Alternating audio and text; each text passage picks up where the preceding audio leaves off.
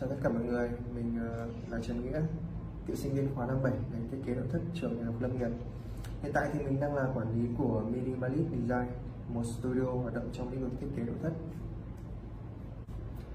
Ngày hôm nay thì mình sẽ ngồi đây cùng chia sẻ với các bạn một số những cái kinh nghiệm thực tế về ngành thiết kế nội thất cũng như là đưa ra một vài lời khuyên cho các bạn sinh viên vẫn đang còn ngồi trên ghế nhà trường và một số bạn uh, học sinh đang chuẩn bị có ý định thi vào ngành thiết kế.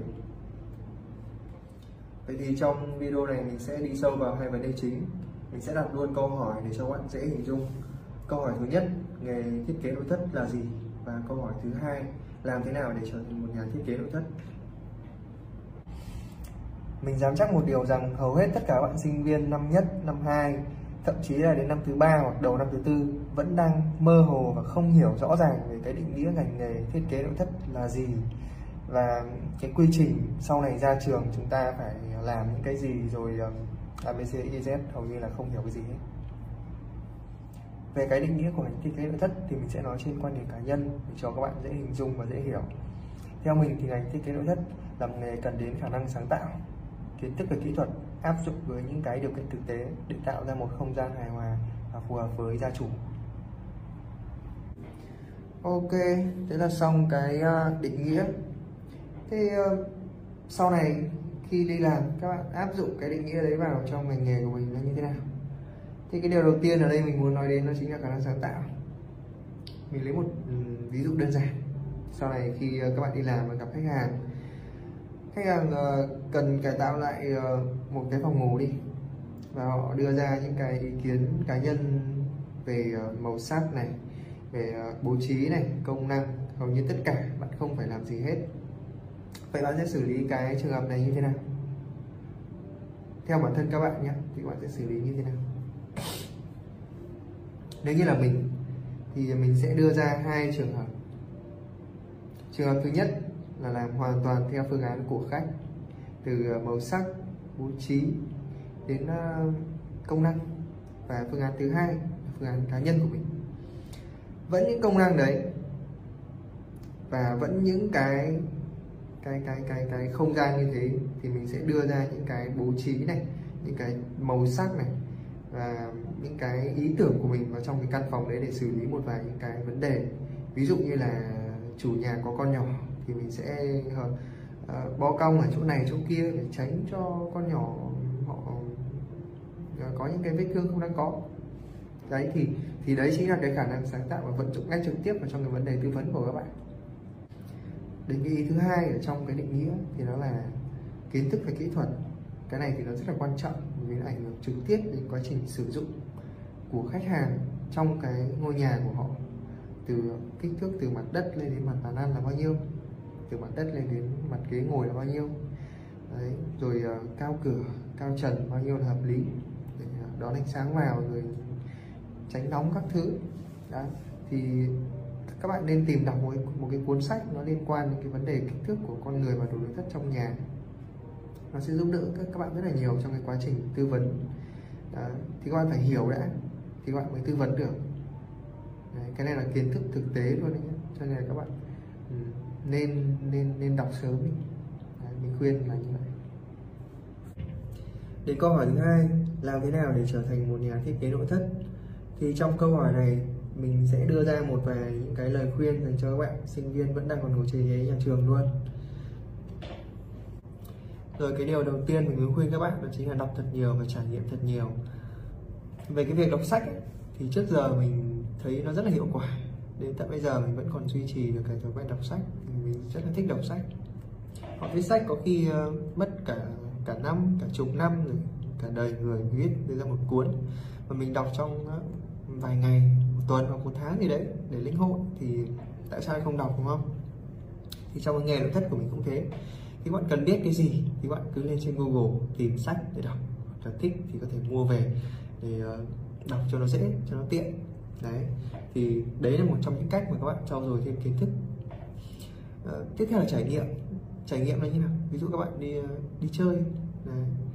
Đi, đi du lịch ở nước ngoài chẳng hạn đấy, để xem những cái công nghệ của họ rồi ờ, để áp dụng vào trong thực tế tại Việt Nam ví dụ sau này đi làm bạn được giao vẽ một cái ờ, khách sạn chẳng hạn ờ, thì nếu như bạn chưa từng đi khách sạn thì vẽ nó sẽ rất là khó Đấy, so với một người đã từng đi rồi họ đã từng trải nghiệm rồi và được sờ nắn rồi biết là dùng cái vật liệu gì là, trong cái khách sạn năm sao đấy. đấy ví dụ như thế rồi các thiết bị nó sẽ thực tế hơn rất là nhiều. Đấy là cái đầu tiên. Tiếp theo cái thứ hai, đó chính là phần mềm. Phần mềm ở đây là gì? AutoCAD này 3D Max này, Photoshop là ba cái cơ bản nhất mà một người kiến trúc sư cần phải biết. Vậy thì các bạn học ở đâu? Hầu hết bây giờ tất cả các trường đại học đều không dạy ba bộ môn này. Cùng lắm là sẽ có AutoCAD thôi. Còn 3D Max Photoshop thì hầu như các bạn phải học ở ngoài. Mình nghĩ là đến khoảng tầm cuối năm thứ ba các bạn nên tìm những cái trung tâm hoặc là anh chị gì đó dạy bạn sớm đi hoặc là bạn tự tìm hiểu sớm đi. Bởi vì sau này khi ra trường ấy cái điều đầu tiên mà bên tuyển dụng cần đó chính là ba cái phần mềm AutoCAD, và cái Mac và Photoshop. Phải biết bắt phần mềm này để làm gì. AutoCAD là để triển khai kỹ thuật đấy, là bạn để để bạn bổ bổ két đấy. Còn 3D Max là để lên phối cảnh 3D đấy, sau khi mà chốt được bản vẽ rồi chốt được bản vẽ mặt bằng rồi uh, kích thước các thứ thì bạn sẽ lên bằng lên hình ảnh 3D bằng 3D Max để đưa để cho ra những cái bức ảnh rất là thực tế để chốt với khách hàng. Đấy còn Photoshop là để hậu kỳ. Thì cái hậu kỳ này nó cũng khá là quan trọng cho cho cái thằng 3D Max này. Thì ba cái phần mềm này mình mình thấy là các bạn nên học càng sớm càng tốt. Ờ, được có thể đầu năm thứ ba, nếu như bạn có thể thu xếp được thời gian thì bạn nên đi học hoặc là đến cuối năm thứ ba. Nên tìm sớm để để để có được cái này thì sau này các bạn ra trường nó sẽ rất là dễ thôi, rất là dễ. Đấy. cái thứ ba mình khuyên các bạn đó chính là khả năng giao tiếp. Dù là nghề thiết kế nội thất hay bất kỳ ngành nghề nào cũng sẽ cần đến khả năng giao tiếp. Nói chung là cái khả năng giao tiếp thì mình sẽ không đi sâu vào nữa bởi vì ai cũng sẽ hiểu cái vấn đề đấy rồi. Đơn giản nhất là các bạn thuyết trình trước đám đông. Đấy nó cũng là một cái điểm cộng cho bạn với các nhà quản lý và giám đốc rồi. Đó, chưa kể là bạn đi um, tuyển dụng. Đấy, cách bạn uh, đối đáp lại với các nhà tuyển dụng trả lời câu hỏi của họ một cách khôn ngoan nó cũng ghi điểm rất là nhiều. Cái vấn đề thứ tư mình khuyên các bạn đó chính là đặt mục tiêu cá nhân. Đã bao giờ các bạn nghĩ khoảng tầm 2 năm nữa hoặc là 5 năm nữa. Bạn là ai? Lương tháng bao nhiêu? Và bạn đang ở đâu chưa? Bản thân mình ờ, năm nhất năm hai và năm ba chưa bao giờ quan tâm đến những cái vấn đề đấy. Không biết là sau ra mình sẽ làm cái gì. Cuộc sống rất là bấp bênh và mình không không không rõ được cái tương lai của mình như thế nào.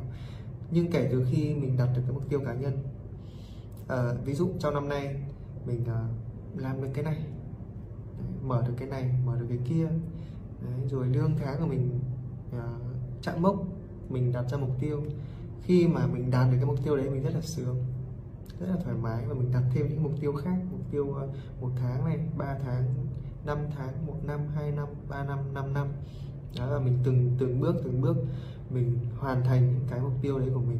Kể cả các bạn có không hoàn thành ấy thì các bạn đã đã đã đạt được một cái gì đấy rồi hơn cái bản thân của mình hiện tại ví dụ uh, bạn đang được 5 điểm bạn đặt mục tiêu lên 10 nhưng bạn chỉ đạt được 8 thôi thì cái con số 8 đấy nó cũng đã hơn năm rồi. Đó. Thì mình nghĩ là các bạn nên đặt mục tiêu cá nhân sớm và làm thế nào để đạt được cái mục tiêu đấy. Các bạn phải tự trả lời những cái câu hỏi đấy ở trong đầu của mình. Đấy, ví dụ các bạn học năm nhất các bạn đặt mục tiêu là năm thứ tư mình phải có bằng giỏi. Thế làm thế nào để có được bằng giỏi? Thế mỗi năm bạn phải đạt được bao nhiêu điểm? Đó xong rồi mỗi mỗi cái năm đấy mỗi cái kỳ đấy bạn phải đạt được bao nhiêu điểm? Cái cái cái môn học đấy bạn phải đạt được bao nhiêu điểm? Đấy, từ từ nó, nó nó sẽ móc nối với nhau thành những cái câu hỏi rất là rõ ràng để bạn phải trả lời được những cái đấy. Đặt mục tiêu cá nhân. Cái vấn đề thứ năm là kinh nghiệm thực tế cũng là vấn đề cuối cùng mình khuyên các bạn. Uhm, thì làm thế nào để, để có được cái kinh nghiệm thực tế khi vẫn còn đang ờ, đi học vẫn còn đang ngồi trên ghế nhà trường? Nói về trường đại học nông nghiệp thì mình nghĩ là cái khả năng mà các bạn có thể ra trường sớm uh, nửa năm hoặc là một năm thì khá là dễ khá là dễ. Đấy là cá nhân mình đánh giá như vậy. Thì ngay ngay cái việc mà uh, ra trường sớm các bạn cũng đã, đã có một khoảng thời gian nhất định để các bạn có thể đi làm và trau dồi thêm kinh nghiệm thực tế rồi trước khi các bạn có thể lấy bằng. Đó. Và cái cái thứ hai là Ờ, cuối năm thứ tư các bạn cũng sẽ có một cái môn đó là môn ờ, thực tập nghề nghiệp. Thì các bạn sẽ có một khoảng thời gian là một tháng làm việc trực tiếp tại những cái công ty. Thì các bạn sẽ có khả năng được tiếp xúc với cái quy trình thiết kế. Cái mà mà mà, mà để tương lai các bạn uh, lấy bằng các bạn ra trường đi xin việc ấy các bạn không bị bỡ, bỡ ngỡ. Cộng thêm là các bạn sẽ có một cái job làm một hoặc là vài cái job nhé nói chung là tùy vào năng lực của mỗi mỗi bạn thôi đấy uh, các bạn góp sức vào trong một cái dự án của công ty. Thì sau đấy các bạn cho cái dự án đấy vào trong profile nhưng mà muốn cho vào thì bạn nhớ phải phải liên hệ trực tiếp ừ, lại với bên quản lý của của công ty cũ để để xin phép. Đó, để, để được sử dụng hình ảnh rồi uh, sử dụng cái sản phẩm của họ vào trong cái profile của mình. Uh, tránh trường hợp mà công ty khác um, lấy sản phẩm rồi đăng lên PR quảng cáo các thứ như thế thì nó không được hay cho lắm. Đấy là cái mà mà để có có được cái kinh nghiệm thực tế khi mà vẫn còn đang ngồi trên ghế nhà trường. Đấy. vừa rồi là toàn bộ những cái mình muốn chia sẻ của các bạn sinh viên qua hai câu hỏi. À, đối với mình thì ờ, nghề thiết kế nội thất nó nó khá là hay và vui. Nó thể hiện được uh, cái tôi của bản thân thể hiện được sự sáng tạo sự khác biệt.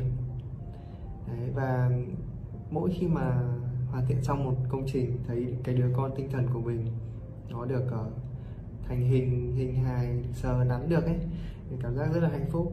Thật sự luôn là, là rất là hạnh phúc và chúc cho là tất cả các bạn sinh viên đang còn ngồi trên ghế nhà trường cũng như là các bạn uh, học sinh đang có ý định thi vào ngành nghề sẽ gặt hái được nhiều thành công và các bạn phải nhớ một điều là đặt mục tiêu đặt mục tiêu cá nhân nhé chào tất cả mọi người.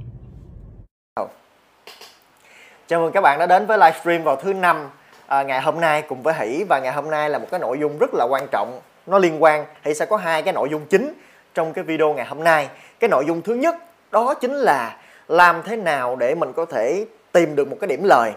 Được không nào? Và cái thứ hai là cái bí mật cái bí mật mà cái phương pháp này ngày hôm nay hãy bật mí.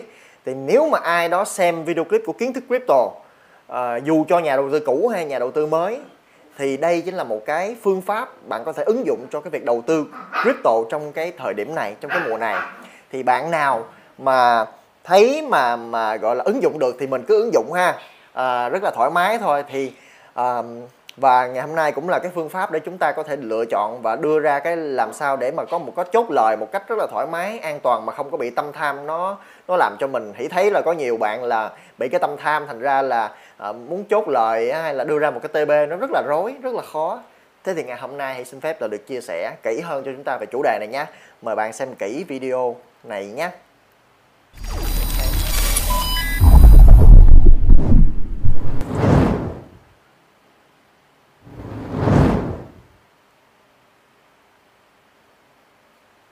Rồi vậy thì á, là cái cái đầu tiên á thì uh, muốn chia sẻ cho chúng ta về mấy cái ngày vừa qua nè. Là hỷ hỷ muốn chia sẻ một cái cái cái một cái uh, một cái ý này trước trước khi mà hỷ bắt đầu với hãy tặng báu vật trước nha. Ai muốn nhận báu vật thì comment uh, tôi muốn nhận báu vật ha. Thì uh, hỷ hỷ sẽ tặng cái báu vật cho chúng ta là như thế này. Là qua cái cảnh mà ngày hôm qua và ngày hôm kia thì cái thị trường nó đỏ rực mà có nhiều người chia hai tài khoản chia ba tài khoản. Thế thì cái vấn đề nó nằm ở chỗ này. Khi mà thị trường á thị trường đang uptrend đúng không? Mà khi mà thị trường nó giảm á là nó không có giảm một cái rồi nó dính ở dưới luôn. Các bạn phải hiểu là những khi á, mà thị trường nó đỏ một cách tiêu cực mà toàn bộ anh coin hay bitcoin tất cả những cái đồng tiền cái vốn hóa nó giảm hết xuống thì chắc chắn luôn nó sẽ phục hồi đẩy nhanh rất là nhanh. Và nó cứ nó không thể nào mà nó xuống rồi cái nó nằm ở dưới luôn. Mà nó cái cái quy tắc là nó phải đi theo hình sin như thế này nếu mà nó sập càng sâu thì nó sẽ đẩy càng mạnh.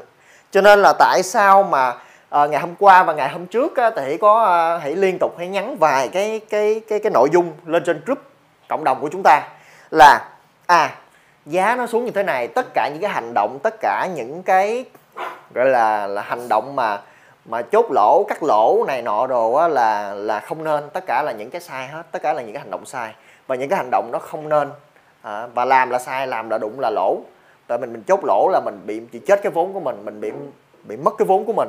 Cho nên là nó nó xuống như thế này, bạn mua ở đây đi, nó xuống ở đây vẫn đâu có vấn đề gì đâu. Sẽ còn những cái trường hợp là vài ngày nữa có khả năng là nó sẽ xuống tiếp, nên đâu có gì đâu mà lo. Mình đầu tư là mình có một cái điểm dừng. Và tới cái điểm dừng đó, cái hành trình mà đi như thế này, sẽ ở đây bạn sẽ vui. Giá lên đúng không? Lời 20% 30% vui xong rồi cái giá xuống cái bạn buồn. Đây là một cái cuộc chơi tâm lý, mà cũng là một cái, những cái cảm xúc mà bạn phải trải qua. Giống như vài vài ngày hôm trước, vài ngày hôm trước nữa, ai thắng cái con ETC là bạn thấy vui, đúng không? Ô, lời bảy tám trăm phần trăm vui quá. Xong cái vài ngày hôm sau bắt đầu mua những cái đồng tiền thì bắt đầu tại sao mà nó không có đi theo đúng cái ý của mình nữa? Và nó đi xuống mà cái giá nó như thế này, cái bắt đầu bạn buồn. Cái bắt đầu giá nó lên, cái bạn lại vui. Xong rồi giá xuống bạn lại buồn có những cái thời điểm là bạn buồn rất là lâu. Có những cái thời điểm đó, thị trường nó làm cho mình là xuống giá, xong rồi nó sai quay làm cho mình buồn rất là lâu. Thế thì vấn đề là mình buồn, mình vui như thế này để làm gì? Thị trường nó làm cho mình bị tâm lý, làm cho mình bị lo, làm cho mình bị sợ. Nhưng mà anh chị em yên tâm đi, khi mà nó vẫn còn uptrend khi mà mình follow anh Simon cũng như là tất cả những cái chỉ báo của các cái kênh uy tín về phân tích thị trường dài hạn vẫn chưa có dấu hiệu về downtrend là thứ nhất. Có nghĩa là thị trường chỉ có một cái dấu hiệu là vẫn còn uptrend là thứ nhất nè hãy muốn xác định lại nè. Thứ nhất là mình vẫn còn uptrend là thứ nhất. Thứ hai là tăng tốc độ. Thay vì á tăng tốc độ khi á, mà bạn ờ, giống như có con đại bàng mà nó rớt xuống càng nhanh á, thì nó sẽ bay lên càng lẹ à, bạn đi xuống cái dốc mà càng mạnh càng gọi là cái dốc mà nó càng lớn á thì tốc độ bạn sẽ càng nhanh đúng không? Thì bạn sẽ chạy lên nhanh cũng sẽ càng nhanh. Thì thành ra đó là cái việc là cái thị trường của chúng ta sẽ nhanh kết thúc có thể là trong năm nay. Có thể là trong năm nay nó sẽ kết thúc nhưng mà hiện tại nó vẫn còn sẽ là tăng. Và và thì cũng có nói là ở trong cái buổi trước rồi là khi á mà thị trường nếu như mà nó nó đau trend thì nó phải đau từ từ nó dập lên dập xuống như thế này nó từ từ nó đi nó đi. Giống như gì phải không? Đi gì nè. Nó đi dài dài ra chứ nó không có phải là nó đập một cái xuống xong rồi à, những cái bạn mà lần đầu tiên mình thấy cái tài khoản của mình mất 50 70 phần trăm trong vòng hai ba ngày á đừng lo nó sẽ hồi lại. Và nhất nhưng mà hãy nói là ở trong thị trường uptrend nha còn khi mà thị trường downtrend thì mình phải cẩn tắc mình phải xem xét. Và cái điều mà quan trọng ở cái lúc này á là mua coin phải đúng. Nếu mà mình xem lại cái video clip mà tư tưởng tinh thần và chiến lược tầm nhìn của mình trong đầu tư crypto mùa này á bạn mua coi sai bạn mua coi giá mà ẩn vẫn còn ở trên cao ở trong cái mùa mà nó nó đau như thế này mà mình mua giá ở trên cao nữa mình đu đỉnh là cái chuyện này chắc chắn nó sẽ xảy ra. Nên là bạn biết là thứ nhất mình phải phải phải mình phải um, gọi là mình thực tế là ngay lúc này thị trường nó tăng tốc là thứ nhất nè. Thứ hai là vẫn còn uptrend nhưng mà sẽ có những coin mà nó giá quá cao khả năng đu đỉnh của mình sẽ rất là lớn thành ra là mình sẽ lựa chọn thì 13 cái đồng tiền mà hỉ uh, ở trong cái danh sách. Thì ok thoải mái không thành vấn đề gì hết. Cho nên là đó là cái à, một số những cái ý để mà trước khi mà hỷ muốn uh, coi như mình rút ra cái bài học trong những cái ngày qua khi mà thị trường như thế này thì có rất là nhiều anh chị mình bị mất tâm lý mình sợ mình nghe người này mình nghe người kia nhất là báo chí tin tức. Cái chuyện này là cái chuyện nó xảy ra là ba bốn năm trước là nó cũng nó giống hệt như vậy và nó nó là một cái hiện tượng thị trường nó không có gì mà ghê gớm mà mà làm cho mình lo lắng hết. Cho nên chị em mình cứ yên tâm thoải mái đi. No problem ok?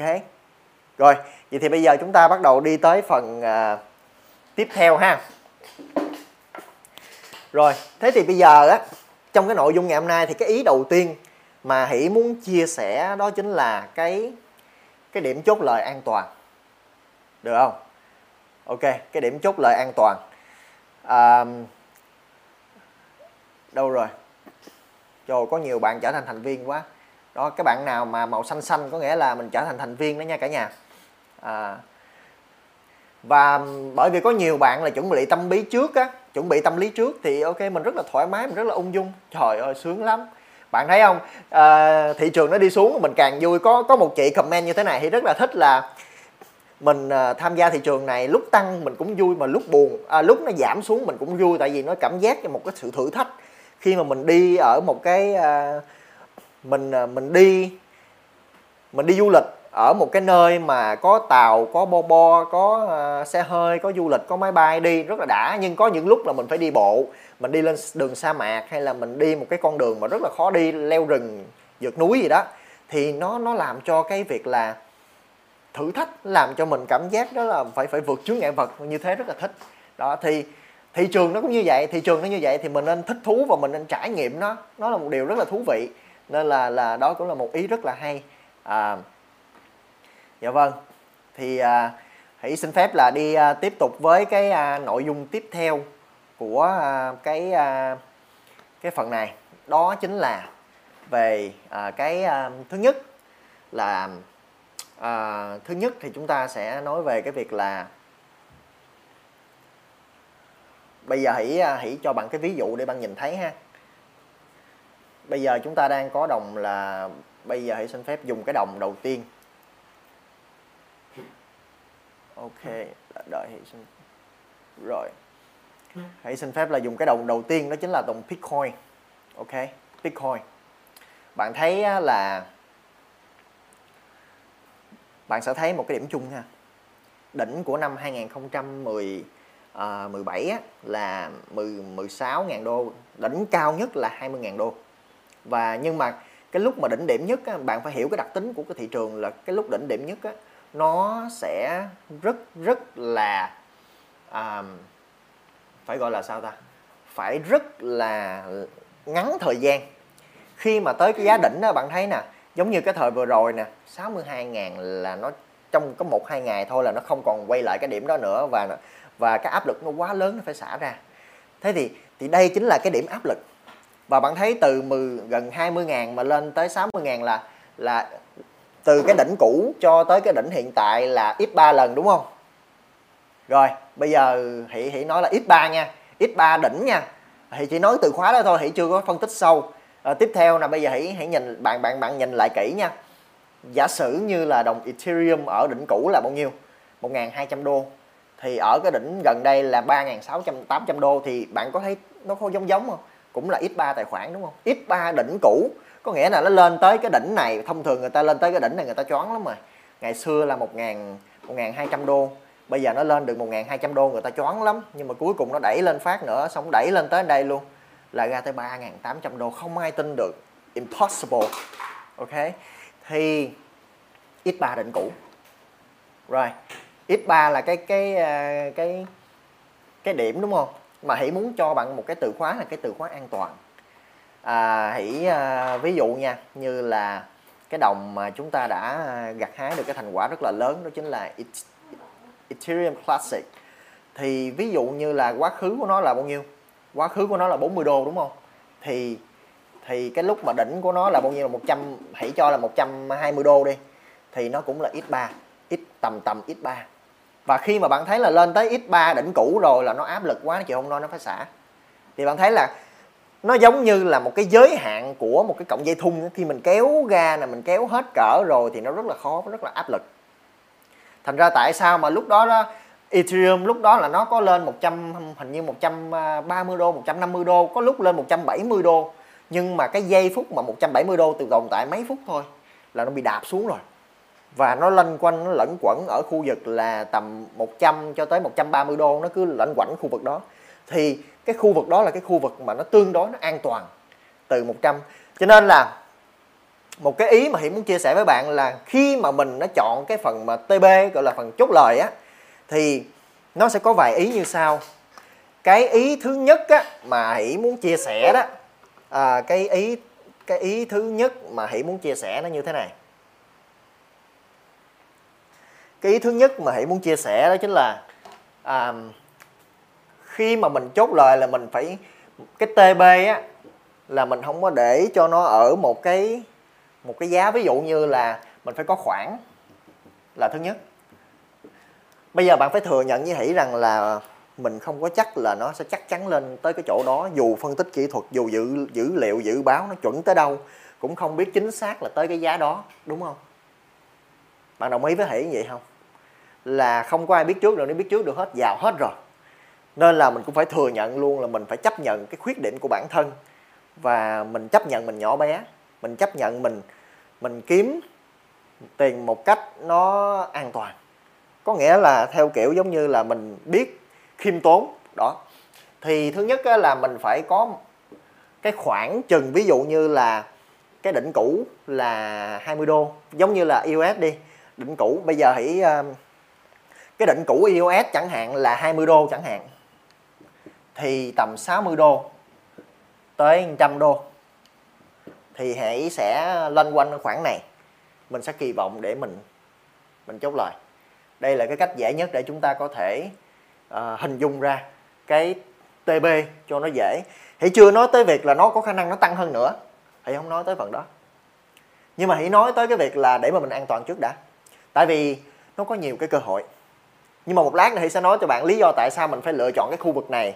Nó sướng hơn là mình chờ nó lên trăm năm chục hay là 200 thậm chí là có những cái TB mà các bạn đưa ra là 250 đô đi tại vì bây giờ nè, thứ nhất là cái TB của mình là mình phải có cái khoản để mình có thể giống như cái lệnh ETC của Hỷ là Hỷ chốt ở khoảng 107 đô.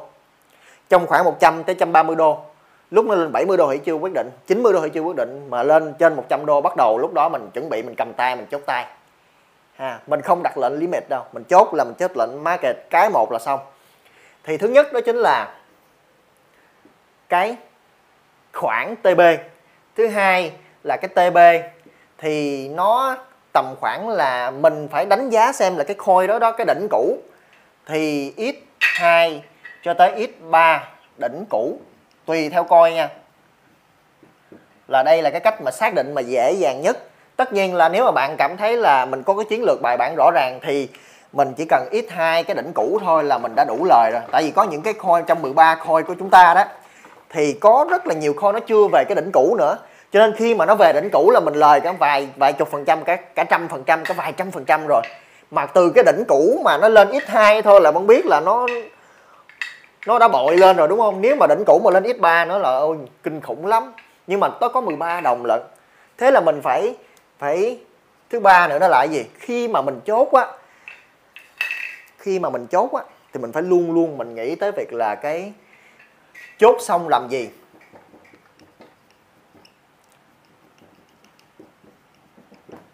Chốt xong làm gì? Thì bây giờ hãy nói tới ý thứ hai nè bây giờ bạn hiểu được cái cách mà mà mình lấy TB dễ nhất chưa? À, hãy nói dành cho cái phương pháp này dành cho những bạn mới. Những bạn mà gọi là là mình mình không biết là mình đặt cái giá nào để mình bán là thứ nhất. Tại vì cái cơ sở của thị trường nó cho rất là rõ là cái cơ sở thị trường khi mà thị trường nó tăng trong thời gian tới anh Simon cũng có chỉ báo cũng có thông tin là toàn bộ Bitcoin, Ethereum, Ancoin tất cả bay đều đồng chỉ số hết, tất cả đều bay, bay lên đều hết luôn. Và bạn cũng thấy là hiện tại bây giờ tất cả đồng tiền là nó bay hết. Tại vì cái việc là ai cũng thấy là giá quá đỏ hết rồi thì mua hết đều hết luôn, không có chia đồng trước đồng sau nó cho hết lên. Thì cái việc là khi mà mình chốt một cái đồng lời rồi thì mình phải biến cái đồng lời này thành cái đồng vốn. Bây giờ hãy giả sử nha. Hãy làm một cái ví dụ để cho bạn thấy rõ luôn cái việc là mình hãy ví dụ như đồng EOS đây là một cái ví dụ rất là rõ ràng hãy nói rõ ràng để cho bạn à, bạn dễ hình dung ha. Đồng EOS với cái giá bạn mua lúc đầu là 10 đô. Đúng không? Bạn lên 60 đô. Thì à, bạn lời là x à, là 10 đô lên 60 đô là tăng 600 phần trăm đúng không? Là 600 phần trăm. Rồi bạn có thể chờ nó lên à, lên à, 120 đô. Bạn có thể nó là chờ nó lên à, Ờ, uh, 150 đô. Tuy nhiên thì muốn nói cho bạn là khi mà bạn chốt uh, bạn đầu tư là 1.000 đô đi. Thì ví dụ như là nó lên 60 đô là bạn có 6.000 đô đúng không? Thì ngay cái lúc 6.000 đô này nè tại thời điểm đó trong cái 13 cái đồng tiền tại cái thời điểm đó trong cái 13 cái đồng coin này sẽ có những cái đồng tiền mà chỉ cần 6.000 đô này đúng không? Bạn chỉ cần là tăng lên 100% thôi thay vì á là để mà 6.000 đô này với cái đồng EOS á nha với cái đồng EOS thì nó phải lên 120 đô. 60 đô mà lên 120 đô khá là áp lực. Nó giống như con ETC đi chẳng hạn. Nó lên tới à, trăm hai mấy trăm ba mấy sập sụi xong bắt đầu nó đào xuống nó đập xuống luôn. Bạn thấy không? Thấy nó nó lên hết nổi nó giống như con uh, neo đi. Con neo từ 40 đô lên trăm mấy chục đô. Nó cũng áp lực quá nó chịu không nổi. Xong nó cũng phải dập xuống thì ngay những cái cái cái mà lúc x2 x3 đỉnh đỉnh cũ á x2 x3 đỉnh cũ lúc đó nó rất áp lực. Và khả năng nó sẽ sai quay hoặc là nó sẽ rướng, nó rất là cố gắng và và cái lúc đó nó dùng dãy rất là lâu. Thay vào đó, mình có 6.000 đô, mình mua một cái đồng tiền hỉ, ví dụ như là những cái đồng tiền nào mà nó bay chậm như con con xem đi chẳng hạn. Con xem thôi, nó bay nhẹ từ cái giá là à, nó chỉ cần tăng 100% thôi mà giá 6.000 đô bạn thử bằng đầu tư cho con xem thì nó tăng trăm phần trăm thôi là là bạn có 12.000 đô. Để mà con xem lên 100% với lại để cái con iOS á, mà từ 60 đô đã x3 đỉnh cũ mà nó lên 120 đô cái độ khó nó sẽ khó hơn là thứ nhất. Đúng không? Cái rủi ro nó sẽ cao hơn trong khi thằng xem nó chưa bay chẳng hạn. Thì ví dụ thì rõ ràng luôn là bạn thấy mình lấy cái cái tiền vốn này để mình làm cái lãi kép. Khi mà mình có lời, mình chốt lời xong mình phải có cái chiến lược là mình chốt. Mình chốt xong mình làm gì để mình lấy cái phần lời đó. Đây là cái chiến lược mà hãy ứng dụng cho nên lại rất là khỏe. Đầu tư rất khỏe luôn, mình không có áp lực gồng lời. Gồng lời cũng là một cái áp lực rất lớn. Nhưng mà nếu như mà bạn bạn gồng lời, bạn chốt lời đi. Nếu như mà đồng này nó lên 120 đô nhưng mà lúc này là mình cũng đầu qua đây thì bên đây nó cũng tăng. Nó tăng nhẹ nhàng rồi mình sẽ bớt áp lực hơn là mình gồng ông này. Trường hợp ông này nó không lên đây, nó lên lưng chừng xong mà nó xuống luôn nữa thì mình mình rủi ro nó rất lớn. Cái áp lực gồng lời nó rất là lớn. Mình phải giảm cái áp lực nó xuống. Và mình giảm cái áp lực bằng cách là mình sẽ phân bổ lại và khi mà mình có cái vốn là 6 ngàn thì mình phải chia hai ba đồng chứ đừng có một đồng. Thì cái vốn của bạn á, cái vốn bạn lớn, tương đối lớn và những cái đồng tiền khả năng tăng trưởng có thì cái cảm giác bạn đầu tư rất là an toàn. Thì bạn thấy rõ ràng không? Ở bên đây, đúng không? Từ 60 đô, nó lên 120 đô. Rất khó, nhưng mà con, một cái đồng tiền mới lên 50 năm 100 phần trăm mà khi mà nó chưa bay khả năng rất dễ và nó rất là an toàn. Đó chính là cái chiến lược mà mà là đầu tư để mà mình có cái lãi kép. Đầu tư để mình có một cái lãi kép. Nó sẽ thoải mái hơn, tâm an hơn, không lo áp lực TB quá lớn.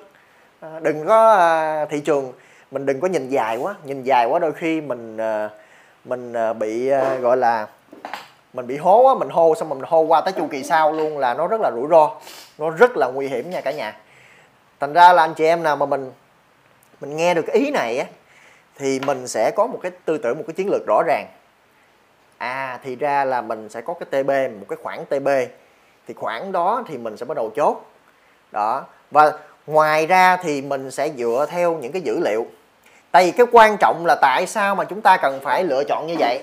Tại vì á, tại sao mà chúng ta phải chốt ở cái giá là là x2 hay là x3 cái cái à, cái đỉnh cũ của một cái đồng tiền nào đó mình đang hôn tại vì á, là mình có lý do là do có những đồng khác nó chưa bay. Thì mình mới làm cái chiến lược này. Chiến lược lãi kép này là nó có thời điểm ha. Thì nếu như mà nó có cái trường hợp là bây giờ những cái đồng tiền tiềm năng khác nó rất tiềm năng luôn nó chưa bay mà bây giờ mình có lời con này rồi mình chốt mình để qua con này nó sướng hơn không? Sướng hơn.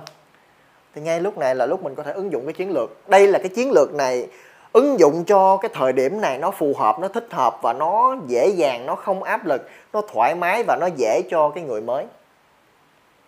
Nên anh chị em mình, mình à, khi mà mình hiểu được cái ý này rồi là mình cảm thấy rất là thoải mái khi mà mình đầu tư có đúng không nào? Nha, cho nên là hãy hãy hãy mắt trước một cái ý đó. Để mà chúng ta không có ờ, bị lăng tăng thì trong bốn cái bước mà khi mà hãy ờ, hãy làm cái video clip về về về cái ờ, tư tưởng tinh thần á tại hãy có nói cái vấn đề đó rồi. Còn có bốn bước, một bước là mua coin cho nó chuẩn, cho nó đúng. Thứ hai là mình phải là không có tối ưu. Bây giờ hãy ngày thứ bảy thì mới có một cái video clip nói về cái tối ưu nó nó sâu, nó rõ. Nhưng mà ngày, hôm nay hãy cũng muốn nấu cho chúng ta một cái ý nữa là như thế này. Cái trường hợp á cái trường hợp mà một số anh chị á, là uh, nói là hô uh, giống như là có một số bạn comment nói hỷ ơi uh, bạn uh, tài khoản của bạn chia ba chưa chia hai chưa?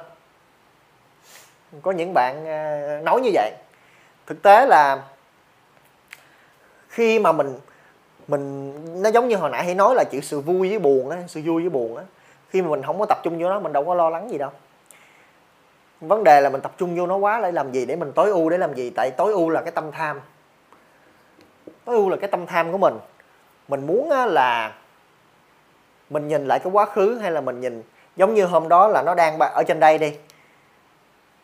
Cái TB mình mong muốn ở đây, phải không? Nó lên tới đây cái nó đâm xuống. Xong rồi cái xuống đây có rất là nhiều người.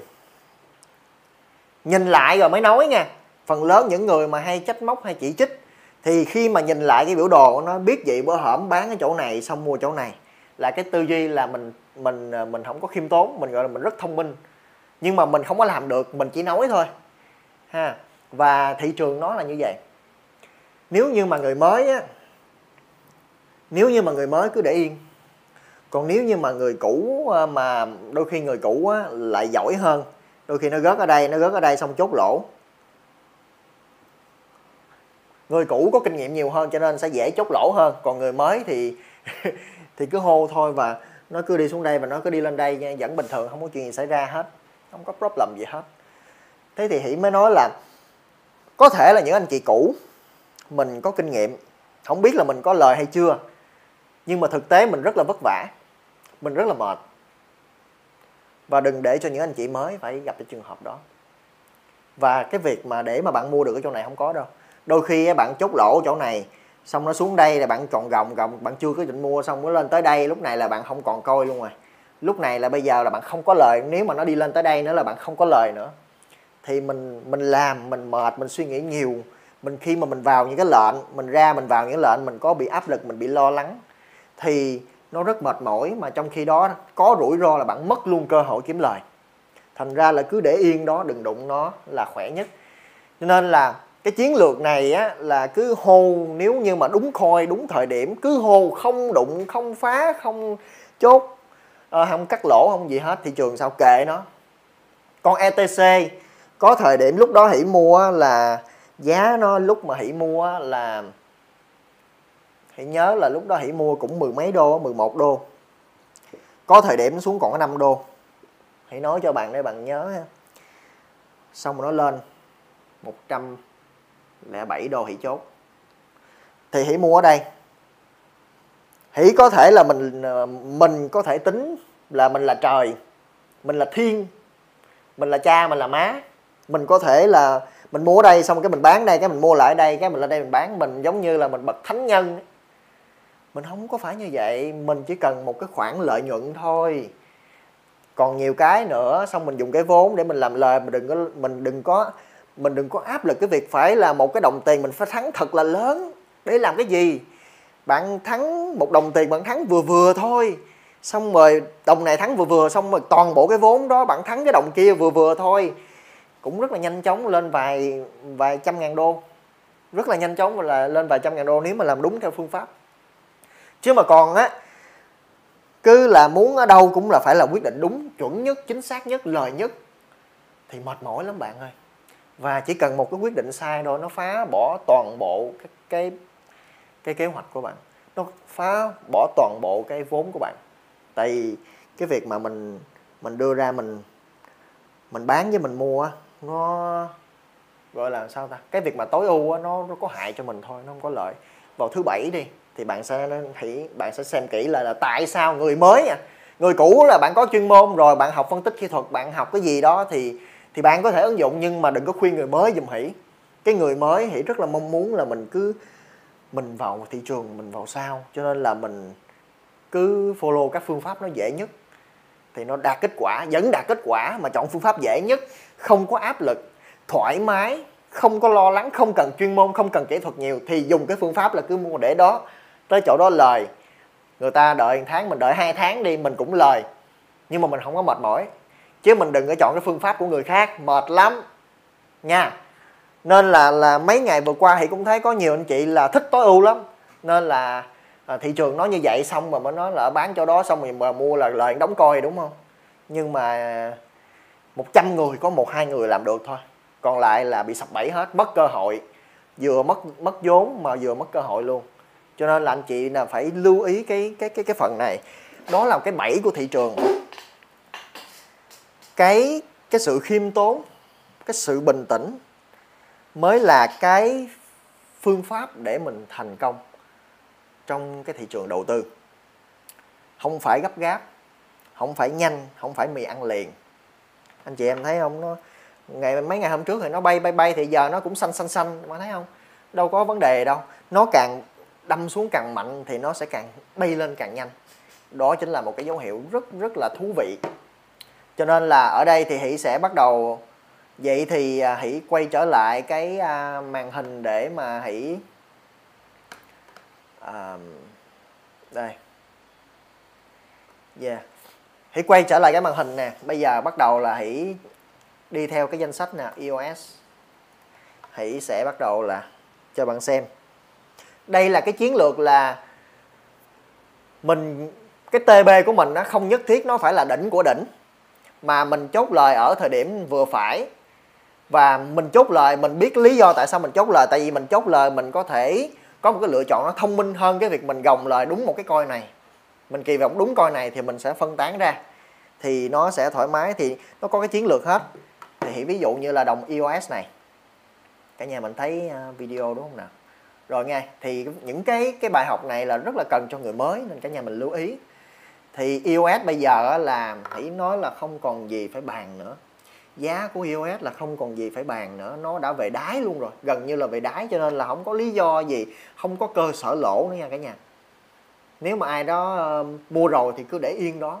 Còn nếu như mà chưa mua thì thoải mái, ung dung mà mua đi nó mà bay rồi á, là đây là một cái cơ sở mình nó lên 60 ngay bây giờ mà nó lên 60 đô là nó nhân bao nhiêu lần tài sản rồi cả nhà? Nó nhân 10 lần tài sản đó cả nhà 7 800 phần trăm là đủ rồi đối với hỷ là đủ. Còn tùy bạn có thể gồng 120 đô 150 đô hay không biết cái cơ sở tới đó là nó bao lâu thời gian. Nhưng mà với 8 7 800 phần trăm khi mà hãy chốt lời vẫn còn những cái đồng khác để hãy kiếm lời tiếp. Và với cái số liền lời đó là khả năng là hỷ vẫn lựa chọn là chốt ở thời điểm đó và hỷ đổi sang đồng khác. Khả năng nó lời hơn cái việc là hỷ để cái đồng tiền US mà nó lên tới hai trăm rưỡi đô. Hỷ vẫn có cái cách khác để mà kiếm lời cũng nhiều hơn như vậy mà không có áp lực như vậy. Được không? Cho nên là nhiều bạn đôi khi mình đưa ra một cái kế hoạch, đưa ra một cái TB sau đó mình cứng nhắc thì nó cũng không có hợp lý. Nhưng mà ở đây hỷ muốn nói là cái chiến lược này nó sẽ là một cái điểm TB nó an toàn dành cho người mới, không có bị gọi là À, tránh cái trường hợp giống như là tới điểm lời quá lời mà không chốt quá tới khi mà bắt đầu nó thật sự nó đau trend luôn á lúc đó là mình vừa không có đạt được cái TB mình không có chốt được cái lời mà mình còn bị đu đỉnh nữa. Mình bị uh, gọi là bị tâm lý nữa nó rất mệt mỏi. Nha cho nên iOS đối với cá nhân hỷ nha thì cái phương pháp của hỷ thì uh, đỉnh cũ của nó nhiêu thì uh, mình cứ làm đúng vậy. Uh, đâu rồi? Hỷ bấm cái gì mà nó vô đây vậy ta?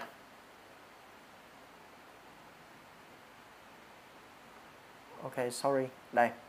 Cái đỉnh cũ của nó là tầm khoảng 20 đô đúng không? Ờ, đối với hỷ là x3 còn nếu mà bạn nào mà an toàn hơn thì x2 thôi là 40 đô. Tùy tùy theo bạn. Cái lúc mà nó tăng thì cứ để cho nó tăng. Thì bởi vì mới nói là tùy theo tình hình thực tế mà ví dụ như cá nhân hỷ đi khi nào hỷ chốt iOS thì cũng sẽ thông báo và ý nói lý do tại sao thông thông báo tình hình như vậy? Tại vì nó tăng lên tới đó là bắt đầu nó sựng lại thì mình bắt đầu mình quan sát mình chú ý.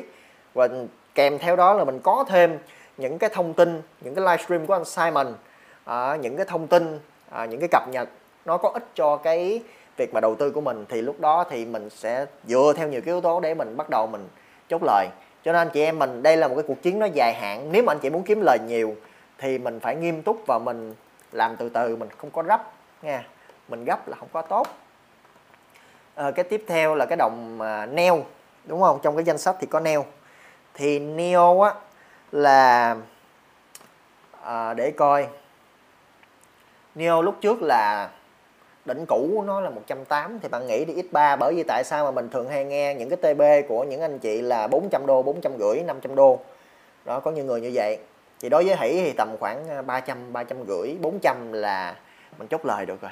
Thì về cá nhân của Hỷ nha. Mình chốt lời xong mình lấy cái tiền lời để mình làm cái chuyện khác, mình sẽ mua những cái khôi khác. Đó thì mình có cái kế hoạch rõ. Còn bây giờ là đây là cái cơ hội nếu mà anh chị nào mới mình có thể mình tham khảo cái giá này để mình mua tại cơ sở lời nó rất là lớn nha đây là chiến lược của hỷ còn bạn theo thì bạn cứ nghiên cứu kỹ hơn lúc đó là bạn hãy tính à, đừng nói là ông hỷ suối mua nha hỷ không có quyền lợi gì ở đây hãy chỉ nói hỷ phân tích còn việc bạn không tin thì không cũng không sao bạn tin thì hỷ cũng không được gì cho nên là bạn cũng không đổ đổ thừa hỷ được. À, và thì hỷ cũng đầu tư và hỷ đầu tư theo chiến lược này hỷ muốn chia sẻ.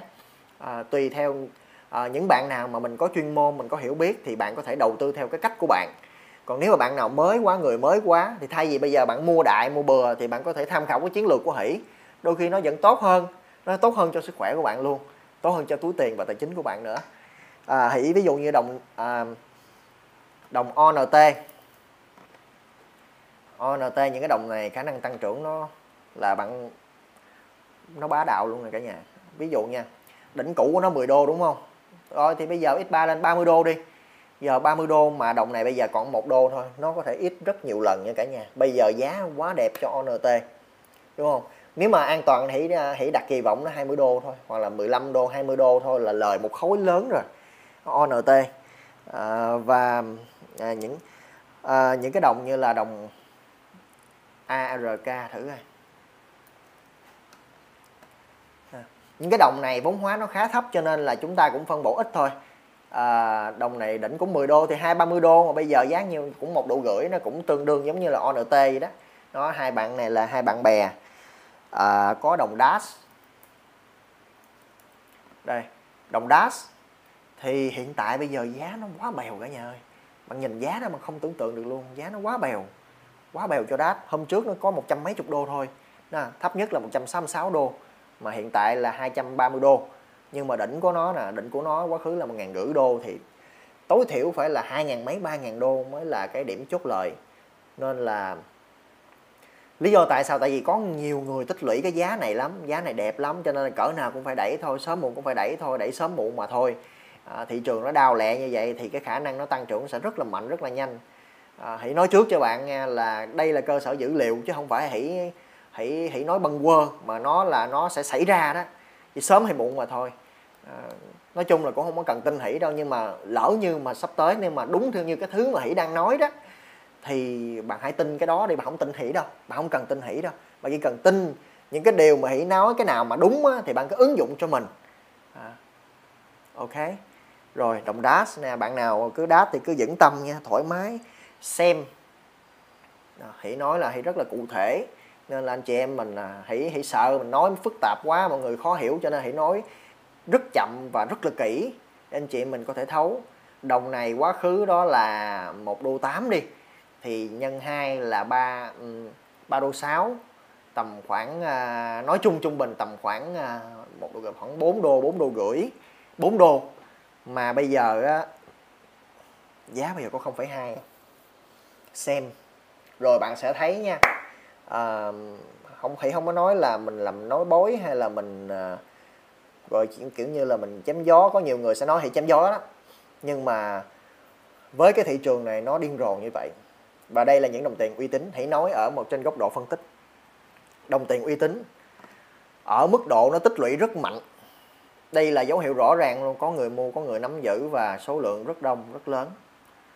Và đỉnh cũ của nó như thế này và với cái khối lượng thị trường lớn như thế này khi mà người ta chốt lời những đồng tiền khác nó đổ vào đây thì thì không có đường nào mà thằng xem thằng nem này mà nó lỗ hết. Nó không có cửa lỗ nó không có cơ sở lỗ.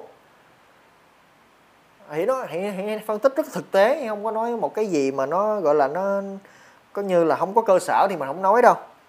Nha. Để thằng à, ICX đó chính là icon đó là ICX các bạn mình tham khảo nha. Thì đây chính là à, cái chiến lược này sẽ phù hợp cho những người không tham lam sẽ phù hợp cho những người biết khiêm tốn sẽ phù hợp cho những người mình bình tĩnh. Còn những bạn nào mà thích mưa to gió lớn thích mà à, giống như thích mình cường đại thích mình phải là mua đáy bán đỉnh thì không phù hợp với chiến lược của hỷ hãy chỉ à, chốt lời vừa phải chốt lời vừa phải giữ an toàn cho bản thân của mình và khả năng mình dùng cái phương pháp để mình kiếm lời chứ mình không có dùng cái sự ẩu cẩu thả vào đây để mình kiếm tiền.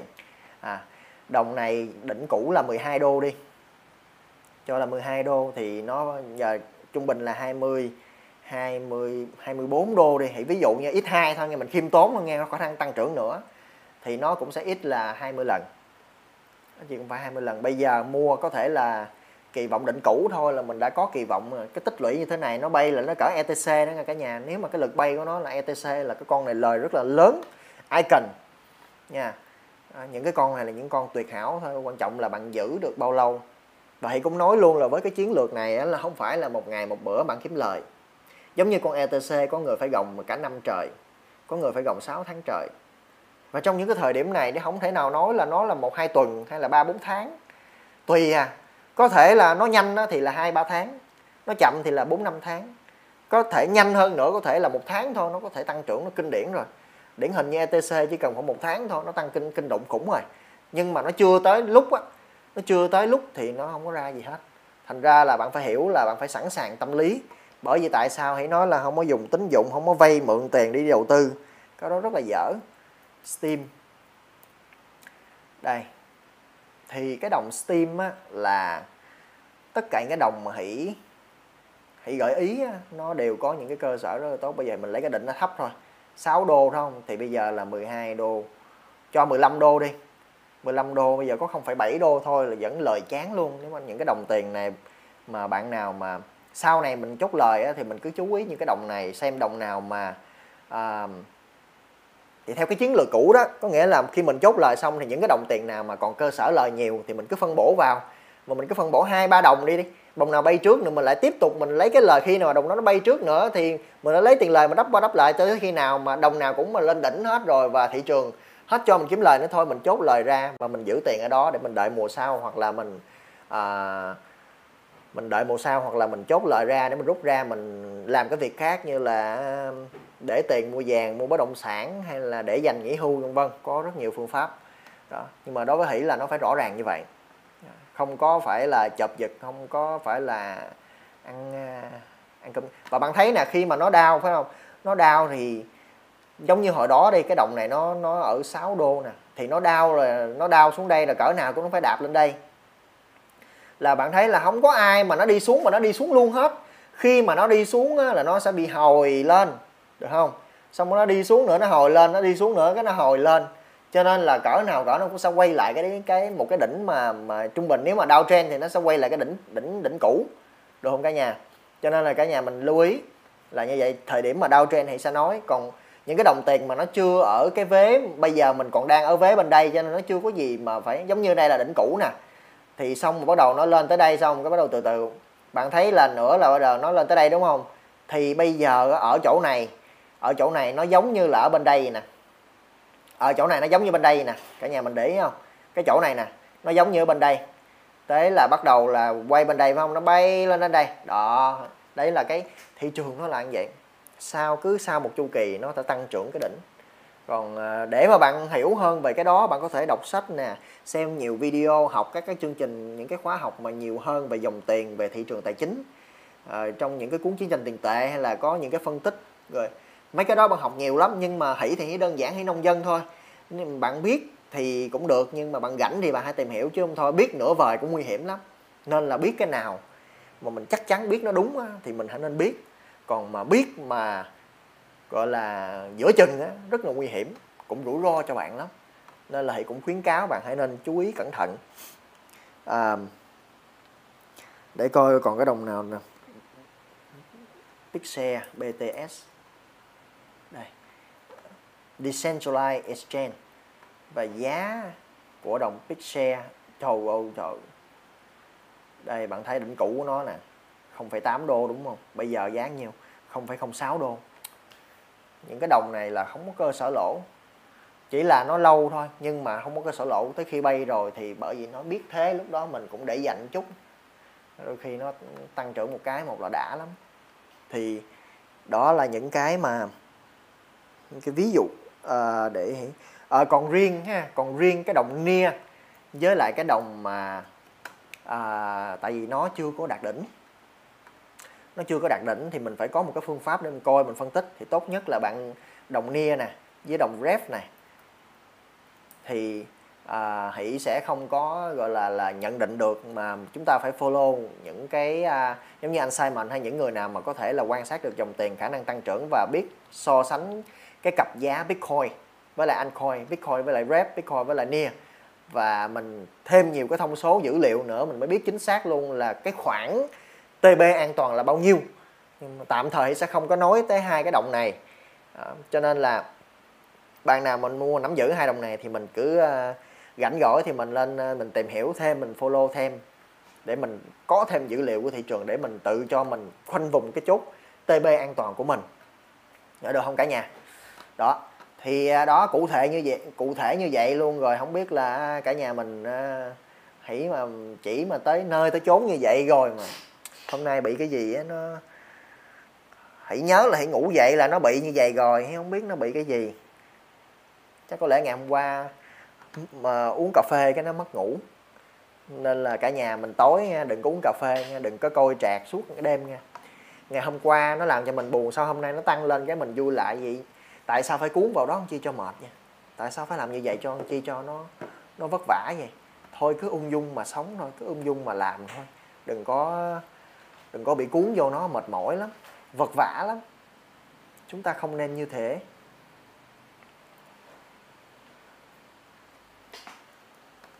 À,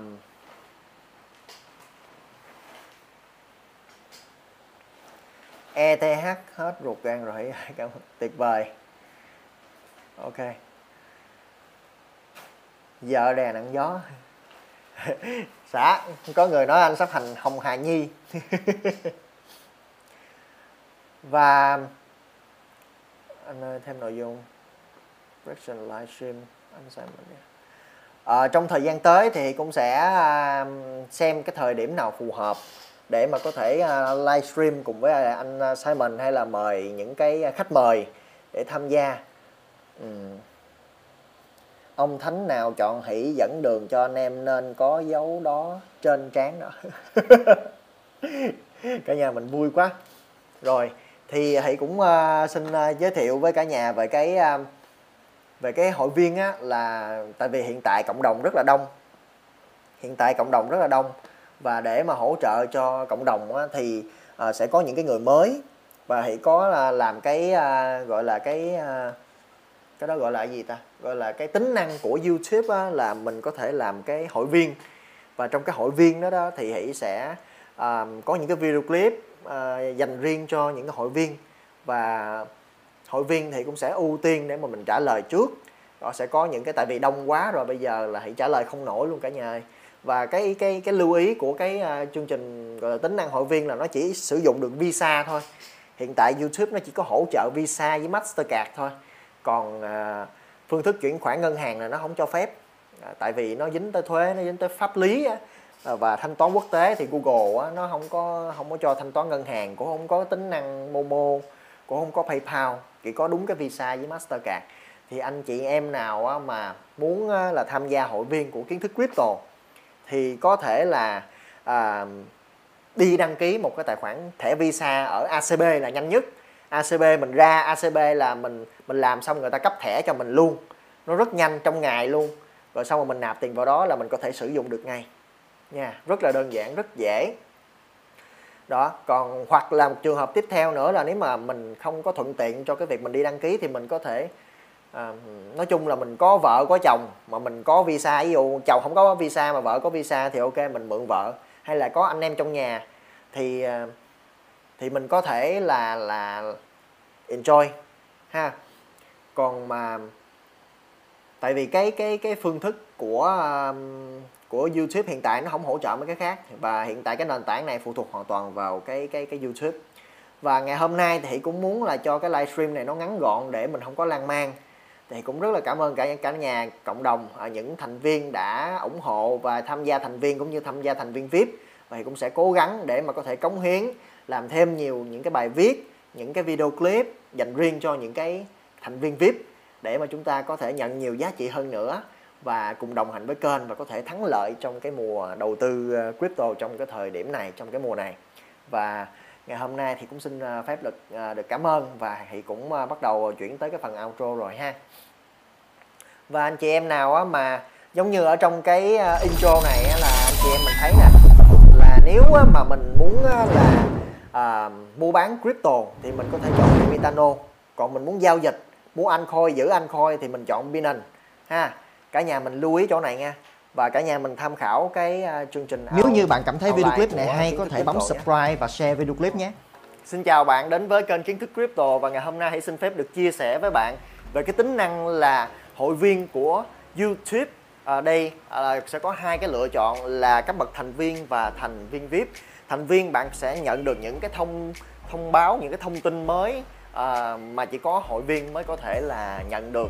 Cái thứ hai là thành viên VIP thì bạn sẽ nhận được những cái uh, video clip mà hỷ chưa công chiếu bạn có thể xem trước được và thậm chí là những cái video clip hỷ dành riêng cho những cái thành viên uh, mà hội viên á về những cái video clip uh, nó uh, tập trung hơn những cái điều quan trọng trong cái uh, logo rất là đẹp nha cả trường. cũng như là những cái gì đó mà bí mật thì chỉ có hội viên vip thành viên vip mới biết mà thôi. Tại vì ai đã tin tưởng thì mới mới chịu mà mà xem đúng không nào?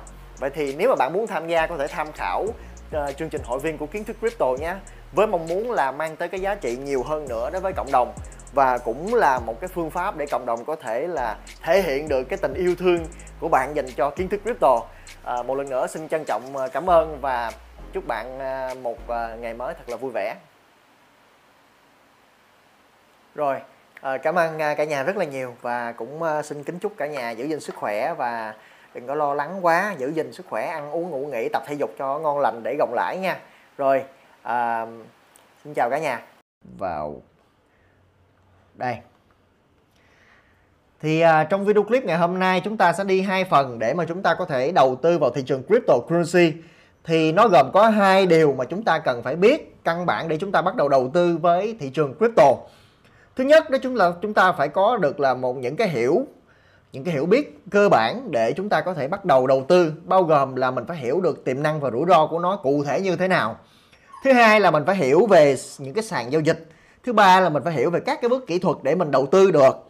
Rồi cái thứ tư đó chính là mình phải biết cách lập kế hoạch để mình đầu tư. Đấy chính là những cái gì đó liên quan tới hiểu biết của mình được không ạ? Cái điều tiếp theo là vậy thì cái hiểu biết của mình có rồi à, mình biết cách đầu tư rồi nhưng mà bây giờ để mà làm sao đưa ra được cái quyết định đầu tư thì à, đưa ra cái được quyết định đầu tư thì mình cần phải có những cái dữ liệu nào mình có thể cập nhật để mình có thể đầu tư cho nó chuẩn cho nó đúng thời điểm thì nó gồm có là mình phải hiểu được cái cách làm sao để mình biết được tổng quan thị trường các cái cơ hội à, cũng như là vốn cũng như là chu kỳ.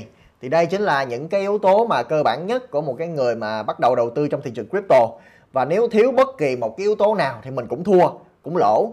Cho nên đôi khi có một số cái anh chị mà được hướng dẫn đôi khi mình chỉ mới biết cái cách các cái bước kỹ thuật thao tác để mình tham gia thị trường thôi. Còn những cái thì điều còn lại mình không biết thành ra đôi khi nhưng mà chỉ còn có một điều thôi có thể làm cho chúng ta thua lỗ trong thị trường crypto. Chúng ta phải lưu ý kỹ. Có nhiều người không hiểu về sàn giao dịch. À, mình lựa chọn những cái sàn giao dịch nó không có lớn không đủ lớn không đủ thanh khoản. Và thành ra là mình mình bị thua lỗ mình mất tiền. Hay là mình không có biết kỹ thuật. À, mình tham gia vào cái sàn đó. Mình cũng biết cái sàn đó lớn nhưng mà do mình không biết cách kỹ thuật. Và mình nhờ người khác gọi là uh, quản lý cái tài khoản cho mình. Thế là mình cũng bị thua lỗ hoặc là mình cũng không hiểu được cái tiềm năng cái rủi ro của nó như thế nào đưa ra một cái quyết định rất là đầu tư rất là uh, ngẫu hứng lý qua cầu. Thành ra nó cũng ảnh hưởng rất là nhiều. Nên là ngày hôm nay là một cái uh, video clip mà nó sẽ uh, giúp cho chúng ta có một cái cách nhìn rõ ràng nhất đầy đủ nhất để chúng ta có thể uh, đầu tư cryptocurrency uh, ở trong năm 2020 này. Nếu hôm năm nay là năm cơ hội thì chúng ta nắm bắt như thế nào và chúng ta cần có những cái điều cơ bản nào cần biết? Nào, mời bạn cùng à, đón xem video clip này nhé. Thế thì bây giờ chúng ta sẽ đi tới đầu tiên. À, Nó chính là việc là chúng ta phải à, Hỷ xem nào Để hãy Hỷ xem có có ai comment không? Nha. Thì à, trong cái quá trình mà hãy chia sẻ đó à, Sau khi mà hãy chia sẻ kết thúc Thì Hỷ sẽ bắt đầu vào cái phần đặt câu hỏi Thì bạn có thể đặt câu hỏi thì sẽ trả lời. Nhưng ở thời điểm hiện tại Hỷ sẽ đi theo một cái mạch Để chúng ta có thể nắm và rõ được nhiều cái góc nhìn Ở trong cái việc mà mình đầu tư crypto vì vậy cho nên nếu mà bạn có những câu hỏi thì bạn có thể chuẩn bị trước. Một lát nữa khi mà Hỷ bắt đầu chia sẻ xong bạn có thể là comment lên nha. Rồi chào bạn Tài Hải nha. Vâng, vậy thì bây giờ Hỷ sẽ xin phép được bắt đầu à, với cái phần nội dung. Thì đầu tiên Hỷ sẽ chia sẻ một cái cách à, nhìn rất là ngắn gọn về à, tiềm năng và rủi ro. Thì tiềm năng của thị trường cryptocurrency là gì? Ở đây thì cũng sẽ xin phép được trình bày thông qua cái cái cái này. À, hãy xin phép được à, nhìn lên trên cái biểu đồ à, hãy sẽ sử dụng là tradingview.com một lát nữa nói về cái kỹ thuật hãy sẽ nói sao thế thì bây giờ chúng ta sẽ nói về việc là tiềm năng của Bitcoin tiềm năng của các cái đồng tiền crypto ví dụ như Ethereum thì nó như thế nào? Hãy sẽ cho bạn thấy cái cái tiềm năng và cái cái rủi ro nó nằm trực tiếp ở trên cái biểu đồ luôn để bạn có thể hiểu được là cái sự tiềm năng và cái hiệu rủi ro như thế nào thì tiềm năng đó chính là bạn nhìn đây bạn dễ hiểu nè. À, giá của một cái đồng tiền ví dụ như Bitcoin có thể là 4.000 đô nhưng mà giá có thể lên tới là 20.000 đô. Đây là tiềm năng đó bạn. Nghĩa là một cái đồng tiền có thể chỉ giá rất là thấp à, 4.000 đô mà lên 20.000 đô ở thời điểm hiện tại thôi thì nó thuộc dạng là nhân 5 lần cái tài khoản.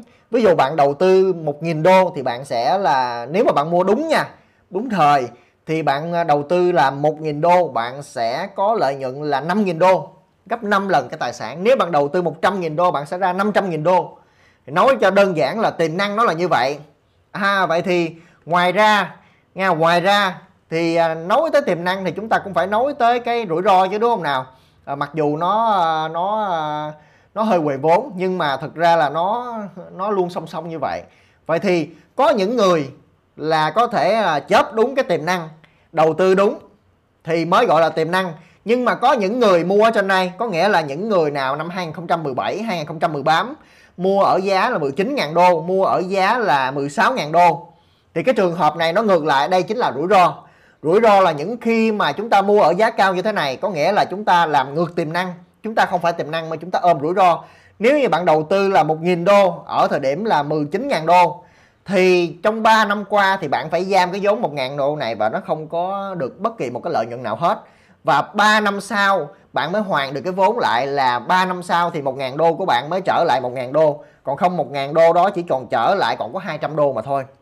Tương tự như vậy, nếu mà bạn đầu tư lỡ mà bạn trót, bạn đầu tư ở những thời điểm cao như thế này, thì ví dụ như bạn đầu tư 10.000 đô vào trong cái lúc mà mua 20.000 đô, bạn mua được nửa Bitcoin thì 10.000 đô đó là 3 năm sau này vẫn không có một đồng lời nào hết nha.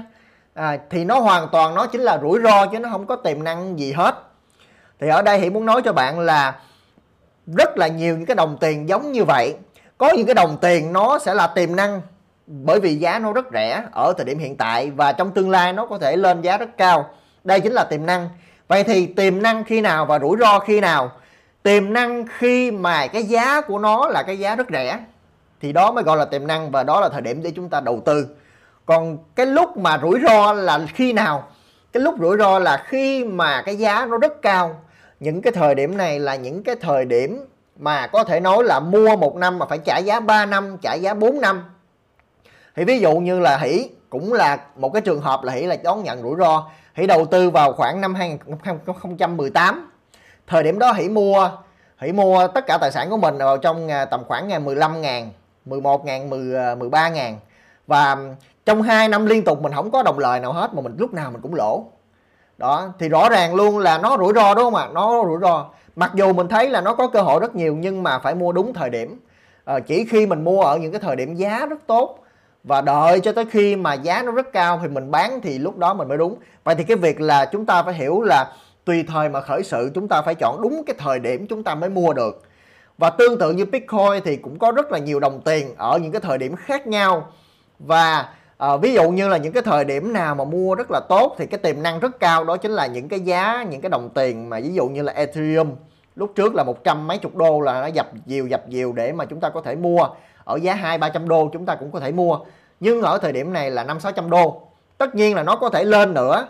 Thì tùy theo tùy theo cái nhà đầu tư để chúng ta có thể nhận định được cái bản thân của mình mình muốn đầu tư như thế nào ở trong thị trường này. Mặc dù mình biết là đây chính là một cái thị trường mà nó nó tiềm năng và rủi ro nó là nó phải mà bạn làm đưa ra quyết định đúng thì bạn có lợi nhuận. Nhưng bạn đưa ra quyết định sai thì bạn sẽ bị thua lỗ hoặc bị giam một cái vốn của mình trong rất là lâu thời gian. Nhất là trong cái thời điểm mà nó uh, tình hình kinh tế suy giảm uh, kinh doanh thì đang ờ, rất là khó khăn uh, duy trì rất là khó mà việc mà nợ bây giờ thì thấy là ai ai cũng mắc nợ hết. Thì đấy chính là một cái việc mà rất là là khó để mà sống đúng không nào? Thành ra cái việc mà khi mà chúng ta bắt đầu quyết định đầu tư chúng ta phải nghiêm túc và phải xem xét rất là kỹ càng để chúng ta có thể biết. À, thì như vậy hỷ hỷ vừa mới giải thích cho chúng ta về à, cái tiềm năng và những cái rủi ro mà trong thị trường cryptocurrency có thể giúp cho bạn. Tiềm năng hay rủi ro chính là do bạn quyết định lúc bạn bắt đầu khi nào. Thì đó chính là à, lúc trả lời là tiềm năng hay là rủi ro ha. Rồi thế thì à, đầu tiên á, là cái mục đầu tiên chúng ta cũng đã à, thực hiện xong. Bây giờ tiếp theo nhé thì đi tới cái phần tiếp theo là chính là mình phải hiểu về sàn giao dịch nha đấy cả nhà mình có à, có có, có theo kịp không ta? Nếu mà bạn theo kịp bạn có thể comment uh, comment là theo kịp hỷ ơi hỷ à, để hỷ biết nha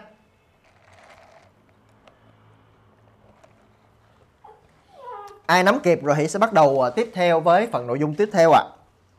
vâng. Dạ. Yeah.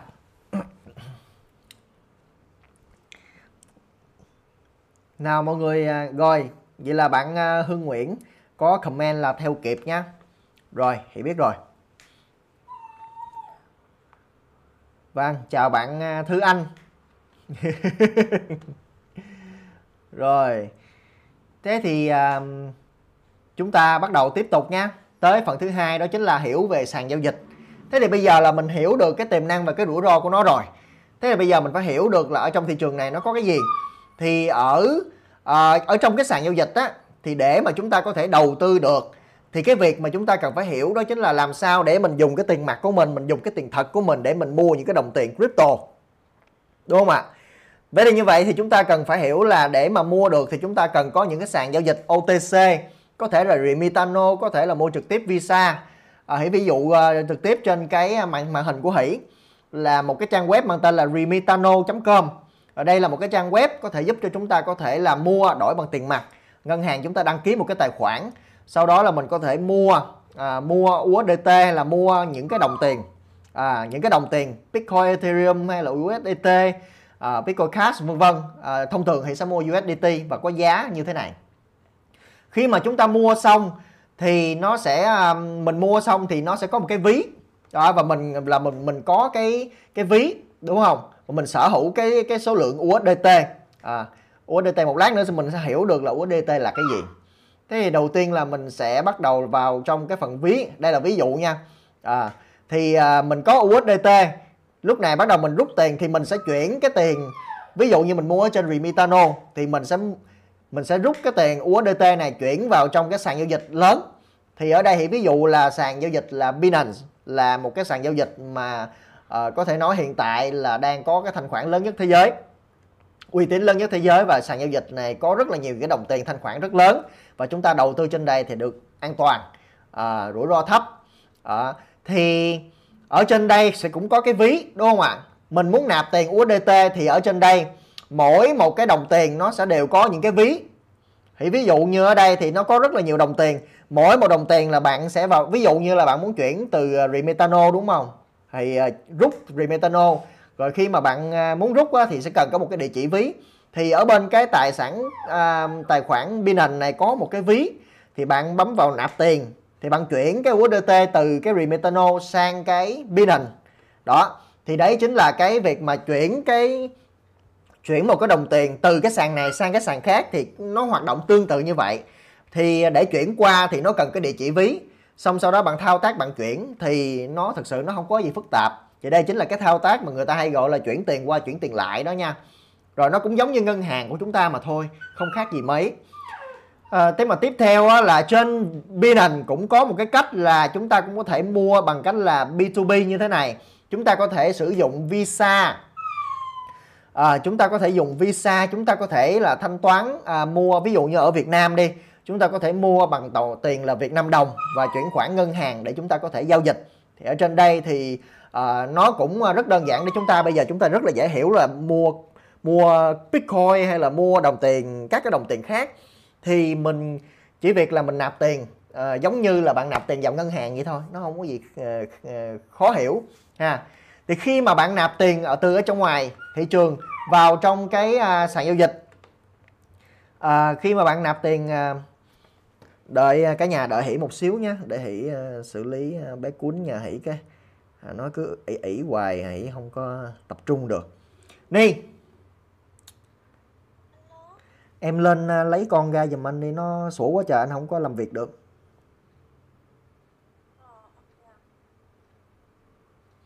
À hỉ xin lỗi ha.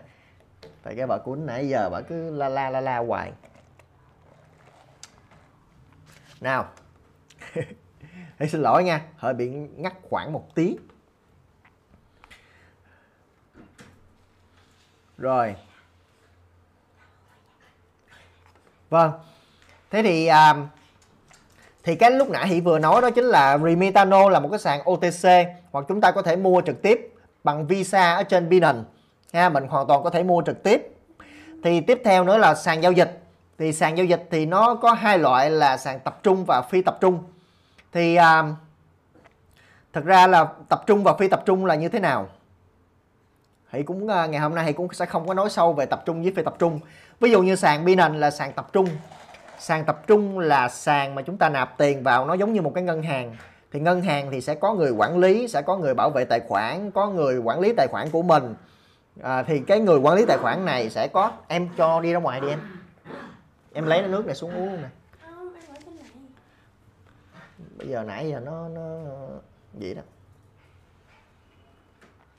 Đấy thì à, chúng ta phải à, thấu rõ được là sàn tập trung là nó sẽ à, gọi là quản lý được giống như là ngân hàng thì khi mà mình mất tài khoản khi mình gặp các vấn đề về mật khẩu thì uh, cái ngân hàng luôn luôn lúc nào cũng hỗ trợ cho mình.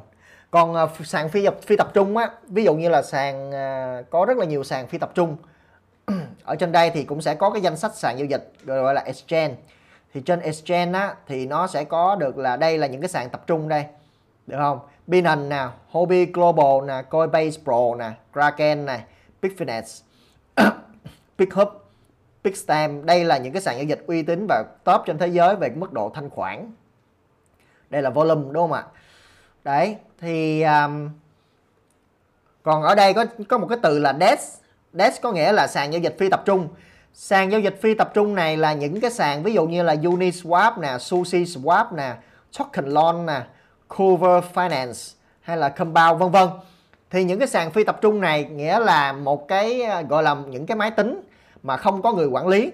Có nghĩa là nó chỉ có ví thôi bạn nạp tiền bạn chuyển tiền từ vào vào trong cái tài khoản đó và nó sẽ có cái hình thức để mà bạn có thể là bảo quản cái tài khoản của mình mà không có bất kỳ ai can thiệp được. Và tất cả mọi thứ là hợp đồng thông minh, dựa trên blockchain hết.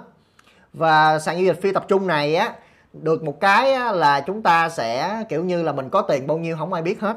Đây là điều à, rất là thú vị. Nhưng mà có một cái là nếu như mà cái tiền mình để trên sàn decentralized mà mình bị mất cái khi mình mất cái chìa khóa ở trên, để mà mình đăng nhập vào cái tài khoản á à, mình mất cái file mình mất cái mật khẩu hay mình mất cái mã hash. Hoặc là mình bị à, hư cái máy tính mình bị hư cái điện thoại mình không có truy cập được cái ví của mình á thì không có ai tiếp giúp đỡ cho mình để mình có thể khôi phục được cái tài khoản và bạn mất mất luôn tiền đó một cách vĩnh viễn.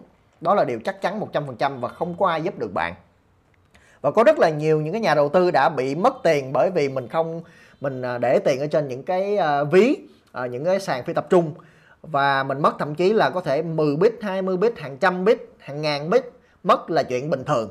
Nên là đôi khi ở trên Decentralized nó an toàn ở chỗ là không có ai biết tiền của mình có bao nhiêu nhưng mà sẽ không có ai bảo vệ được mình. À, còn sàn tập trung á thì được cái là là họ có thể bảo vệ được mình. Ờ, à, đây chính là cái cái sự khác biệt giữa là tập trung và phi tập trung đó nha cả nhà đấy thì tiếp theo thì chúng ta hiểu được là rồi sàn OTC à, giống như Retamitano là cái OTC này giải thích nghĩa đơn giản là để giúp cho chúng ta có thể mua trao đổi tiền mặt với lại crypto à, có thể là USDT hay Bitcoin hay Ethereum. Đó. Thì đây là mình mình mua mình giao dịch trực tiếp tiền mặt để mình có thể mua ra hay bán vào.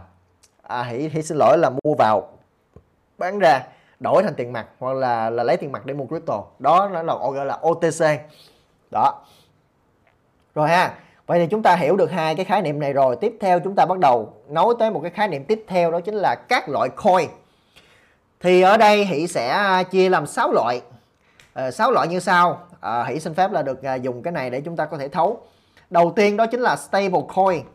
Stable coin à, ở trên đây thì chúng ta sẽ thấy là à, trên crypto.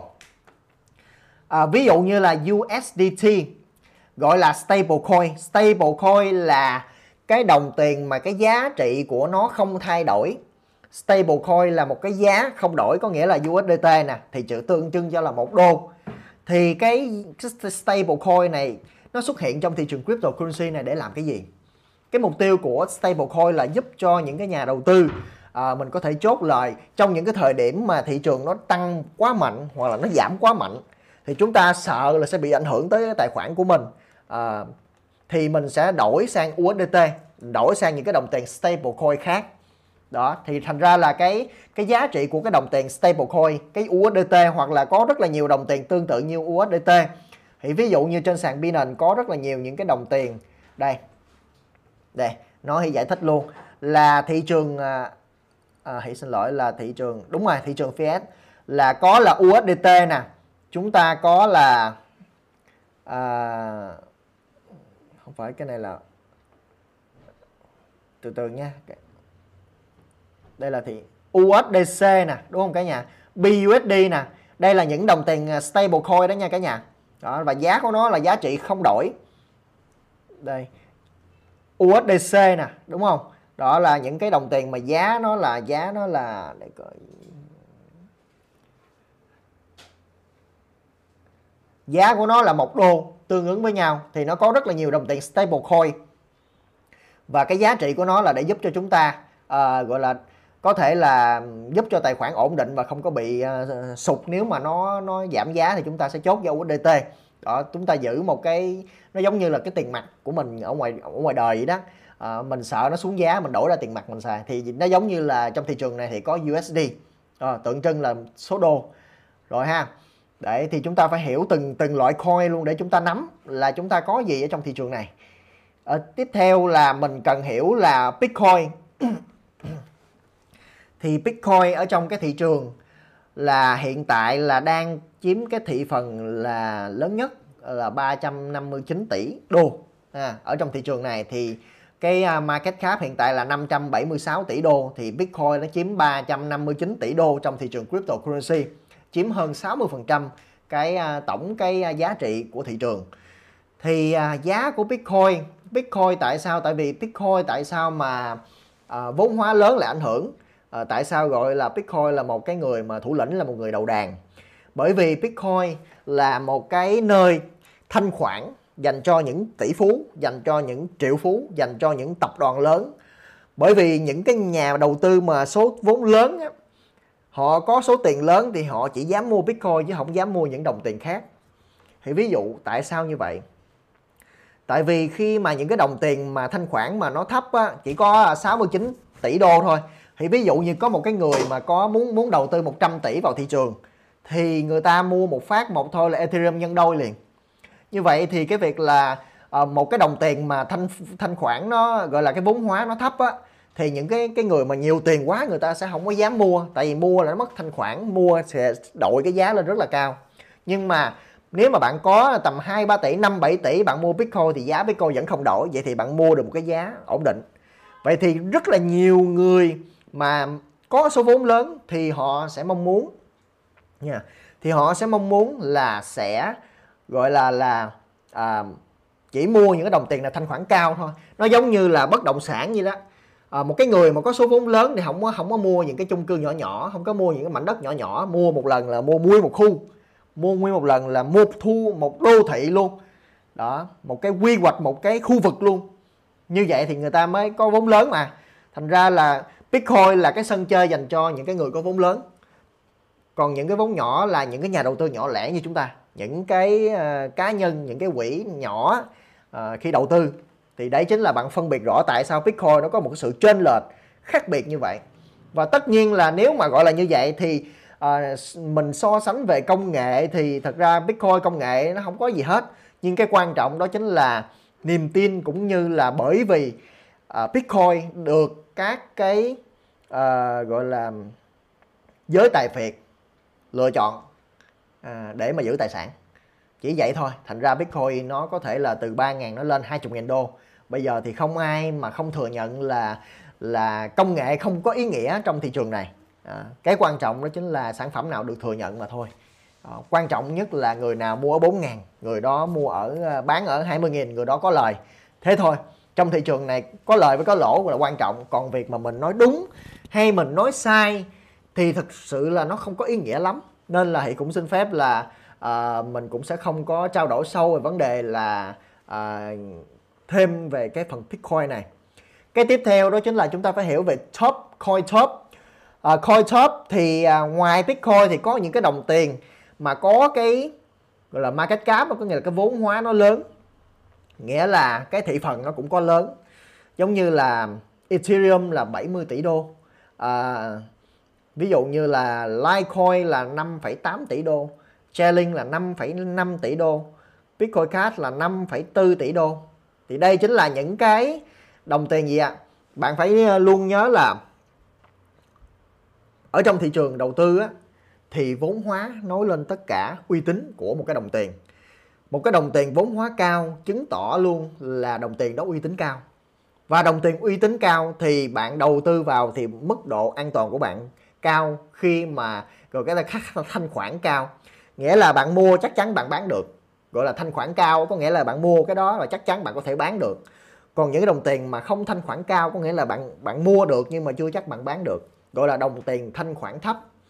Đồng tiền thanh khoản thấp tương ứng với việc là vốn hóa của nó thấp. Đó thì bạn hiểu đơn giản là như vậy bất kỳ thị trường nào cũng như vậy. Đấy thế thì à, nó giống như là một cái nguồn hàng mà bạn cung ra nhưng mà không có ai sử dụng á, và không có ai muốn thu về thì đấy chính là một cái điều mà rất là nguy hiểm đúng không nào? Cho nên là mình chỉ dám có thể đầu tư vào những cái nào mà nó gọi là là thanh khoản lớn thôi. Thì thì những cái đồng tiền mà ở trên coin market cap á, mà ở cái top là top mười mấy top hai mươi mấy nè những đồng tiền nào mà thanh khoản mà à, vài tỷ đô hay là tầm khoảng à, năm bảy trăm triệu đô trở lên đấy thì là những đồng tiền này thanh khoản tương đối tốt. Và có những cái đồng tiền nó chỉ có một hai trăm triệu đô thôi. Thực ra là những cái đồng tiền này thực sự rất là thấp và nó thấp như thế này thì nó cũng có một cái hay cho nên là nhiều người cũng nói à, hãy xin nói luôn là một loại nữa là những đồng tiền mà có vốn hóa nó thấp giống như là 100 200 triệu đô. Thì à, nó à, nó ở chỗ nào? Đây coi à, gọi là coin à, hãy mới nói là coin top rồi đúng không? Tới bây giờ hãy nói tới là coi không thanh khoản cao thì coi không thanh khoản cao có nghĩa là những cái đồng tiền giống như là 100 200 triệu đô này gọi là coi không thanh cao không thanh khoản cao. Nghĩa là những cái đồng tiền này đó là mình mua nhiều không được. Nhưng mà khi mà đồng tiền này đôi khi nghe có những cái cái cách mà nó tăng trưởng của những đồng tiền này nó tăng một cách đột biến. Đôi khi có một cái người nào đó đổ hai ba chục triệu đô vào trong cái đồng tiền này à, rồi hai ba người như vậy là vô gấp đôi ví dụ như là 200 triệu đô có người bỏ ra cả cả trăm triệu đô vào để mà đẩy đồng tiền này lên thì chẳng hạn có rất là nhiều cá mập đẩy đồng tiền này lên. Đồng tiền này lên bốn ví dụ như đây là hai 195 triệu đô. Họ đẩy lên 400 triệu đô thì cái giá đồng tiền này lên gấp đôi. Đó thì lên là 0,04 thì cái giá đồng tiền này cũng lên là gấp đôi luôn.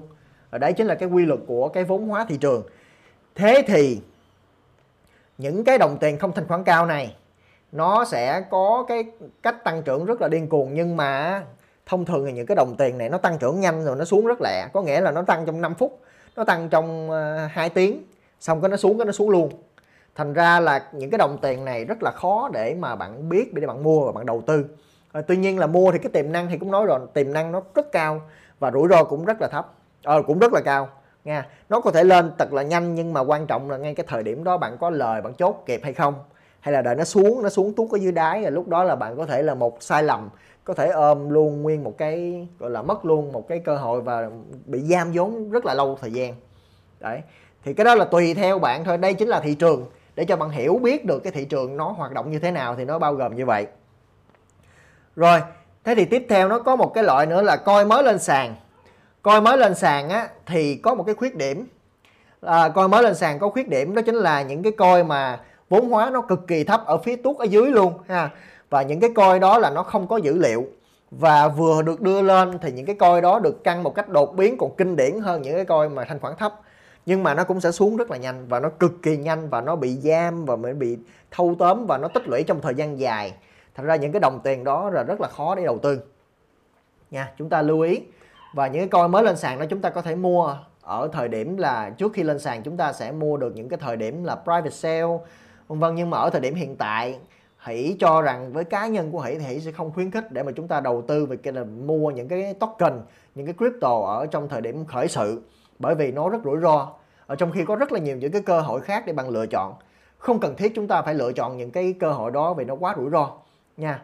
Thì à, đó chính là coi không thanh khoản nè. Coi mới lên sàn thì cũng vừa nói rồi. Coi top thì cũng nói rồi. Bitcoin rồi. Stable coin rồi còn một cái loại nữa đó chính là à, coi trên sàn lớn và sàn nhỏ nó cũng liên quan đấy nhá thì à, ở cái mức độ em ơi xã xã, em em ơi. Coi mới lên sàn ở trên sàn lớn với sàn nhỏ nó khác nhau nha. À, sẽ có tại sao mà có những cái trường hợp là một số bạn á, là nghe được sự giới thiệu ở một cái sàn giao dịch một cái đồng tiền một cái token nào đó rất là hay. Thế là mua đồng tiền đó thì thấy cái đồng tiền đó nó nằm ở trên một cái sàn nào đó nó nhỏ nhỏ và thấy giá nó rất rẻ và thấy cái giá nó bay lên rất cao và mình thấy thích. Thế là mình đăng ký vào một cái sàn nhỏ để mình mua. Tuy nhiên sàn nhỏ thì nó dính vào cái loại là coi không có thanh khoản và thanh khoản cực kỳ thấp và coi mới nữa thì cái rủi ro rất là cao. Nên là việc của chúng ta phải ưu tiên coi ở trên sàn lớn và cái coi nằm ở trên nhiều sàn. Thì những cái coi đó mới là những cái coi mà chúng ta đáng để lựa chọn để đầu tư à, để mà giao dịch. Còn những cái coi mà trên những cái sàn nhỏ mà có ít sàn sở hữu cái cái đồng tiền đó trên sàn thì rõ ràng luôn là cái mức độ thanh khoản của nó không cao. Thì đó là những cái cái uh, hiểu biết cơ bản nhất uh, để mình hiểu được uh, toàn bộ thị trường nó gồm có những cái gì để chúng ta có thể lựa chọn. Và hàng ngàn cái đồng tiền coin à, ở trong thị trường crypto thì nó có hàng nghìn cái đồng tiền coin. Thì mỗi một cái đồng coin là một cái cơ hội để bạn lựa chọn đúng không? Giống như lúc đầu hãy nói là tiềm năng hay rủi ro quan trọng nhất là thời điểm mà bạn đầu tư vào. Đó chính là cái à, cái cái lúc. Hiện tại có 7.850 đồng tiền. Với 7.850 cái cơ hội. Thì mới nói đây chính là thị trường crypto thôi. Còn thị trường chứng khoán là cũng có 5.000 cái tập à, uh, 5.000 cái mã cổ phiếu. 5.000 trở lên nhé để mà có những cái lựa chọn để bạn đầu tư. Thế thì á uh, tùy cơ mà ứng biến. Có rất là nhiều những cái cơ hội để chúng ta đầu tư cho nên việc của chúng ta là đừng bao giờ sợ mất cơ hội. Không có cái sản phẩm này thì sản phẩm khác vẫn có thể cho chúng ta cơ hội để chúng ta kiếm lợi. Nhưng mà nếu như mình chọn sai cái thời điểm mình mình chọn ngay đúng cái thời điểm mà rủi ro cao nhất á, thì có thể một cái lựa chọn mà phải trả giá vài năm trời. Trong khi là à, hôm nay mà mình chọn cái này nhưng ngày mai có cơ hội tốt hơn mình lựa chọn đúng cái ngày mai thôi. Mình chỉ uh, lựa chọn chậm một vài bữa thôi mình chỉ cần tính toán kỹ thêm một chút thôi là mình không mất 3 năm mình chờ đợi. Mình không mất 3 năm để mình bị giam một toàn bộ số vốn của mình. Nên là bạn phải rất là hiểu rõ được là cái thị trường nó như thế nào. Tiềm năng rủi ro làm sao. Có gì ở trong đây, có những sản phẩm nào để chúng ta lựa chọn. Đúng không ạ? Thì đấy chính là cái à, các cái à, bước à, mà cơ bản mà hỷ muốn chia sẻ với bạn về những cái hiểu biết đủ để chúng ta có thể nắm vững trong thị trường thế thì mình chúng ta cũng hiểu được là à thị trường crypto nó gồm có như thế này. À, tiềm năng rủi ro của nó mình cũng biết được rồi. Thế thì bây giờ các cái bước kỹ thuật nó như thế nào? Thì à, các bước kỹ thuật thì bạn cần phải biết là khoảng ờ, bốn cái loại kỹ thuật. Thứ nhất là bạn cách mua bán crypto từ tiền mặt. Thì bạn phải biết cái cách này. Để khi mà bạn nạp tiền vào hay là khi mà bạn chốt lời rồi bạn phải rút tiền ra. Đó có những thời điểm crypto năm 2018 à, 2000 nếu mà lúc đó mà mình thấy là thị trường crypto nó nó bắt đầu nó downtrend nó đi xuống rồi và nó không có lên được nữa thì mình chốt ra thì mình bán crypto. Mình lấy ra tiền mặt để mình đầu tư bất động sản. Mình lấy ra tiền mặt để mình đầu tư uh, chứng khoán mình đầu tư vàng. Thì uh, thì mình phải biết cái cách để mình có thể là bán ra tiền mặt đúng không? Thì có Remitano hoặc là Binance lúc nãy hay có chia sẻ. Đây có Remitano hoặc là có sàn giao dịch là Binance. Đó để mà chúng ta có thể là à, được à, giải quyết cái vấn đề đó. À, cái tiếp theo đó chính là là cách cho chuyển crypto từ à, các gọi là các ví sàn giao dịch. Có nghĩa là ví á, thì sẽ giải thích luôn ở trong cái phần ví này để cho bạn nắm. Thì mỗi một cái đồng tiền khi mà bạn sở hữu một cái đồng tiền á thì bạn sẽ có cái ví đó để người ta có thể chuyển vào trong cái ví này được không ạ? Và ví dụ thì cũng có thì cũng có cái đồng tiền USDT và bạn cũng có đồng tiền USDT thì sẽ thì sẽ lấy cái ví cái cái địa chỉ ví của bạn đó. Thì sẽ chuyển từ cái USDT của hỷ và chuyển sang cái ví của bạn. Hỷ ví dụ như là ở trong đây đi hỷ sẽ muốn là à, có à, Ethereum đi. Thì hỷ cần có một cái địa chỉ ví. Xong hãy điền cái địa chỉ ví của bạn vào đây. Xong hãy nhập cái số lượng mà hãy đang có và hãy muốn chuyển. Sau đó hãy bấm gửi và các cái thao tác để mà mình có thể chuyển. Được không ạ? Thì đấy chính là cái gọi là chuyển tiền từ ví này sang ví khác. Bạn có thể từ Remitano uh, chuyển sang uh, Binance hoặc là cái ví ở Binance bạn cũng làm tương tự như vậy để chuyển về cái ví của Remitano.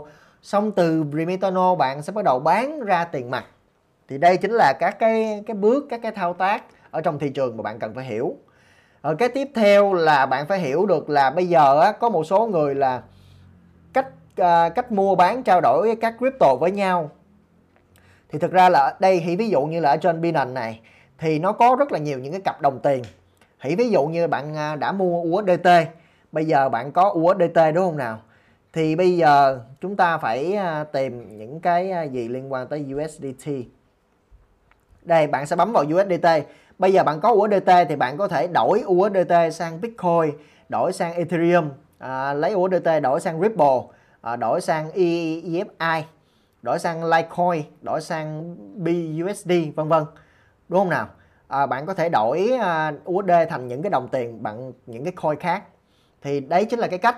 Cho nên là đôi khi có một số anh chị á nói là à bây giờ tôi muốn mua cái đồng tiền Z này đi bây giờ làm sao tôi mua được cái đồng tiền Z này? Thì việc của bạn là phải phải mua USDT và nạp lên sàn Binance đó, hoặc là mua trực tiếp cái USDT trên sàn Binance. Sau đó bạn lên trên đây bạn vào trong cái phần là uh, Z Z USDT xong sau đó bạn sẽ bắt đầu mua đặt cái lệnh để bạn mua. Thế thôi thế là mình mua. Đúng không nào? Nó thật sự đó rất là đơn giản nó không có gì phức tạp đâu. Đấy thì cơ bản là như vậy. Còn ờ, một số người nói là tôi à, tôi ở trên Remitano thì tôi có à, có mua được những cái đồng tiền kia hay không? Thì trên Remitano chỉ là những cái đồng tiền thông dụng nhất để chúng ta nạp tiền. Xong sau đó là để mà dễ dàng nhất thì chúng ta sẽ là nạp tiền lên trên sàn, sau đó là lấy cái tiền của mình để mà đổi sang những cái đồng tiền khác. Nó giống như là từ tiền Việt đổi sang đô, rồi từ đô đổi sang Úc, từ à, đô Úc sang sang Đức chẳng hạn. Thì bạn có thể quy đổi mà. Đó, thì mỗi một lần bạn đổi thì bạn sẽ mất một lượng phí nhỏ thì đấy chính là cái mà à, cái cách để mà chúng ta có thể mua các cái đồng tiền crypto và trao đổi với nhau. Bởi vì có nhiều các anh chị cũng hỏi hỉ về cái câu hỏi này. Nên trong video clip này thì cũng muốn giải thích cho chúng ta để chúng ta nắm rõ luôn để mình không có còn lăn tăng. Và cái tiếp theo nữa là cách cách để mà khi mà mình đã gọi là đầu tư thì mình phải biết cái cách để bảo vệ cái tài khoản của mình. À, những cái lưu ý là khi mà chúng ta đầu tư à, chúng ta để tiền ở trên sàn Binance hay là để tiền trên Remitano thì chúng ta phải lưu ý là chúng ta sẽ sử dụng một cái bảo mật mang tên là thì à, khi mà chúng ta đăng ký thì có rất là nhiều những cái trang web, có rất nhiều những cái bài báo hướng dẫn cái cách để chúng ta có thể là đăng ký cái tài khoản, xác minh tài khoản KYC đó, và chúng ta sẽ bảo mật cái tài khoản bằng cách là dùng cái phần mềm là OT đây có cái phần mềm mang tên là OT ở chỗ này. Hãy xin phép, đây là OT nhá. Đây là OT thì bạn sẽ sử dụng cái phần mềm đó và có rất là nhiều những cái video clip có những cái bài báo hướng dẫn cái cách để chúng ta đăng ký và xác minh. Và với à, các cái sàn giao dịch thì cái việc xác minh là điều vô cùng quan trọng. Tại sao phải xác minh? Bởi vì xác minh để mà giúp cho bạn nếu mà trường hợp mà bạn mất tài khoản bạn mất mật khẩu bạn mất điện thoại mất OT thì sàn giao dịch sẽ à, nói là à, cái hình của anh này à, cái chứng minh của anh này đúng là cái chủ nhân của cái tài khoản này thì họ sẽ backup lại cho mình, họ sẽ khôi phục lại cái tài khoản của mình. Cho dù mình mất điện thoại, mình mất cái gì, người ta cũng sẽ khôi phục được cho mình. Nên là việc là khi mà bạn xác minh tài khoản, phải xác minh đúng chính chủ để đảm bảo tài khoản cho mình. Đừng có ẩu trong những cái trường hợp đó. Nhiều người bị mất tiền từ những cái vậy thì rất là tiếc. Nha cả nhà. Đấy, đó có một cái một lợi thế tại sao mà gọi giữ tiền trên sàn tập trung nó là như vậy. Rồi, thì à, trong các cái kỹ năng á, ở đây hãy xin phép là hãy còn nói nữa là đấy là một những, cái cách mà bảo vệ tài khoản. Thì ngoài cái việc á, là mình dùng OT thì ờ, mình phải là luôn luôn á, trong ờ, đầu tư. Thì luôn luôn cái Gmail rất là quan trọng. Cái gì nó cũng cần có cái email hết. Thành ra là phải cái email của mình phải bảo mật à, hai ba lớp. À, cái email của bạn phải bảo mật rất là kỹ để chống cái trường hợp là người ta hack cái tài khoản email của bạn nha.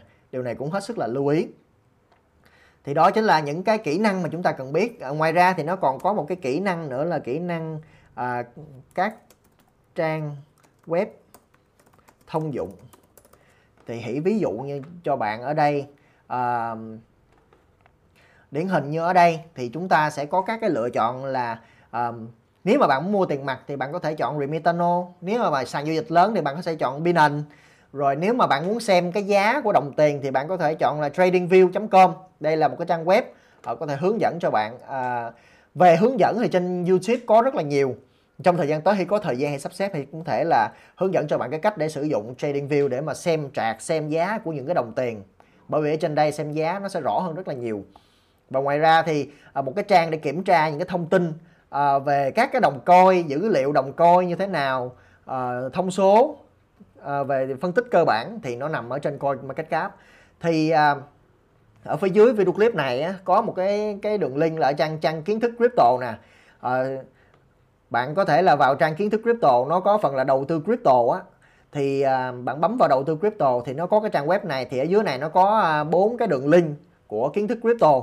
Thì nếu mà bạn cảm thấy là nếu mà bạn chưa đăng ký tài khoản mà bạn quan tâm tới thị trường thì bạn có thể tham khảo những cái đường link này của kiến thức crypto để bạn có thể ủng hộ nha. Bạn đăng ký trên đây thì coi như bạn cũng là là được sự giới thiệu của kiến thức crypto ở đây thì chỉ à, đưa cho những cái lựa chọn tốt nhất à, mà an toàn nhất cho bạn mà thôi Remitano nè, Binance nè hay là TradingView để chúng ta xem giá của trạc nè, xem biểu đồ giá nè, xem thông tin.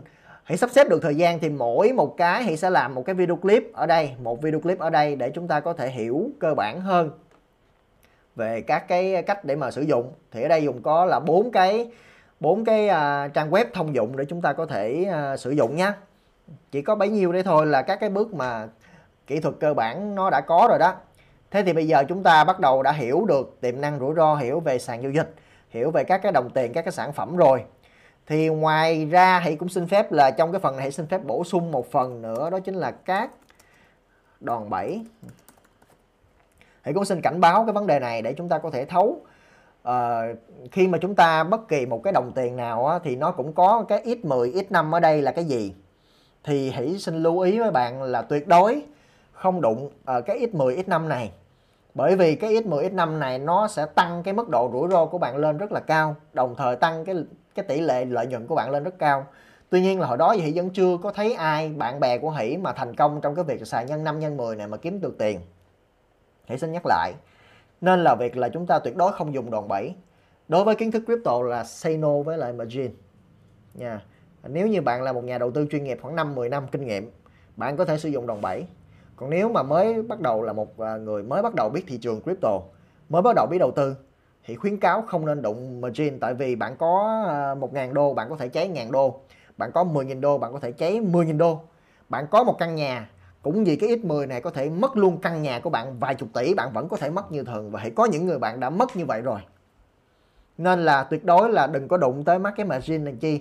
À, các cái phái sinh này nọ đồ nè hay là các cái sản phẩm tài chính thêm là thực ra nó cũng không cần thiết vì nó cũng không phải là những cái lựa chọn mà nó thực sự nó thông minh. À, những cái này chỉ là những cái giống như là sàn à, những cái lúc mà ế ẩm những cái lúc mà thị trường nó ít người sàn sẽ làm ra rất là nhiều những cái à, tính năng những cái sản phẩm khác để cho người khác lựa chọn. Nhưng mà thực ra mấy cái này chỉ tốn thời gian thôi chứ nó nó làm cho mình mất mất thời gian mệt mỏi chứ nó không có giúp gì được cho mình nhiều đâu. À, không có kiếm tiền được đâu đừng có đụng làm cái gì. Về cái cái um, nên là những cái à, đây đòn bẩy này hả chưa token mà không đụng tới mấy cái này. À, hãy khuyến cáo nên cũng đừng tìm hiểu thêm. Còn nếu thực sự mà bạn đã gọi là muốn nghe là bạn không đầu tư kiểu đó bạn không chịu được thì bạn nên tham gia một cái group giao dịch margin một cái group nào đó mà dùng đòn bẩy và chuyên nghiệp. Thì bạn hãy tham gia vào đó và bạn phải hiểu được rằng là bạn có thể mất hết tiền đó nghe. Có chơi thì có chịu thôi. Nếu bạn là một cái người mà mạnh mẽ là một tinh thần chiến binh thì à, bạn thoải mái hỷ thì hỷ rất là hoan hỷ bạn muốn sao cũng được hết. Chỉ là hỷ chỉ đưa ra những cái định hướng cho bạn để bạn có một cái góc nhìn nó đúng thôi. Nha an toàn cho bạn là trên hết. Kiến thức crypto định hướng an toàn là trên hết. Đấy.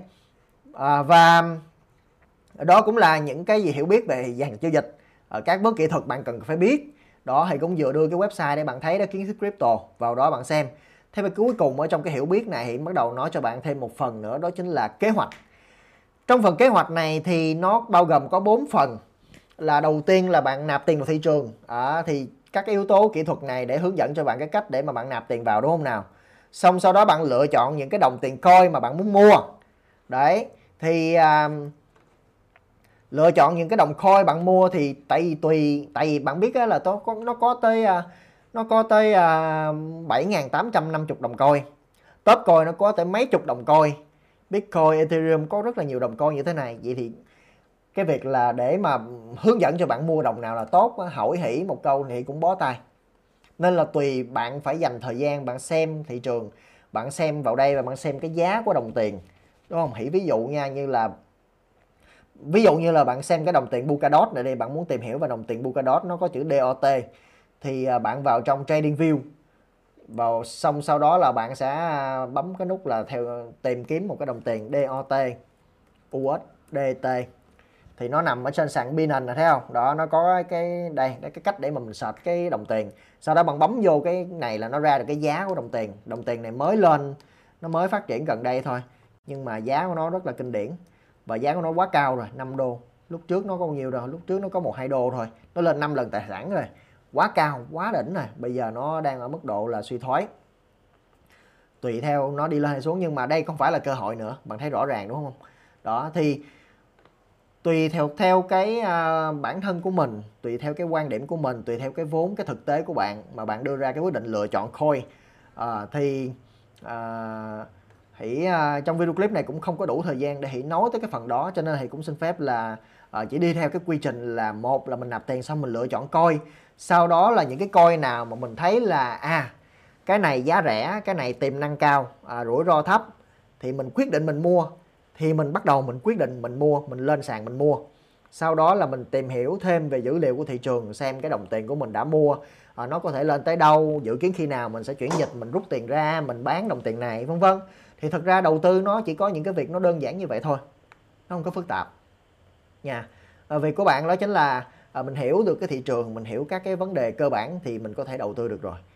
Rồi thì à, trong cái à, đây chính là cái à, bước cái đầu tiên mà chúng ta cần phải hiểu đó chính là những cái hiểu biết cơ bản mình cần để mình bắt đầu đầu tư trong thị trường crypto. Đó. Thế thì khi mà mình hiểu như vậy rồi vậy thì làm thế nào để mà mình có thể đưa ra một cái kế hoạch nó cụ thể? Làm sao để đưa ra quyết định là rồi lựa chọn coi nào và quyết định mua?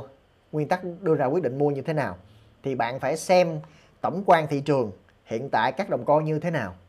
Bạn có những cái cơ hội nào, hãy ví dụ như là trong dữ liệu thì nó gồm có là bốn yếu tố.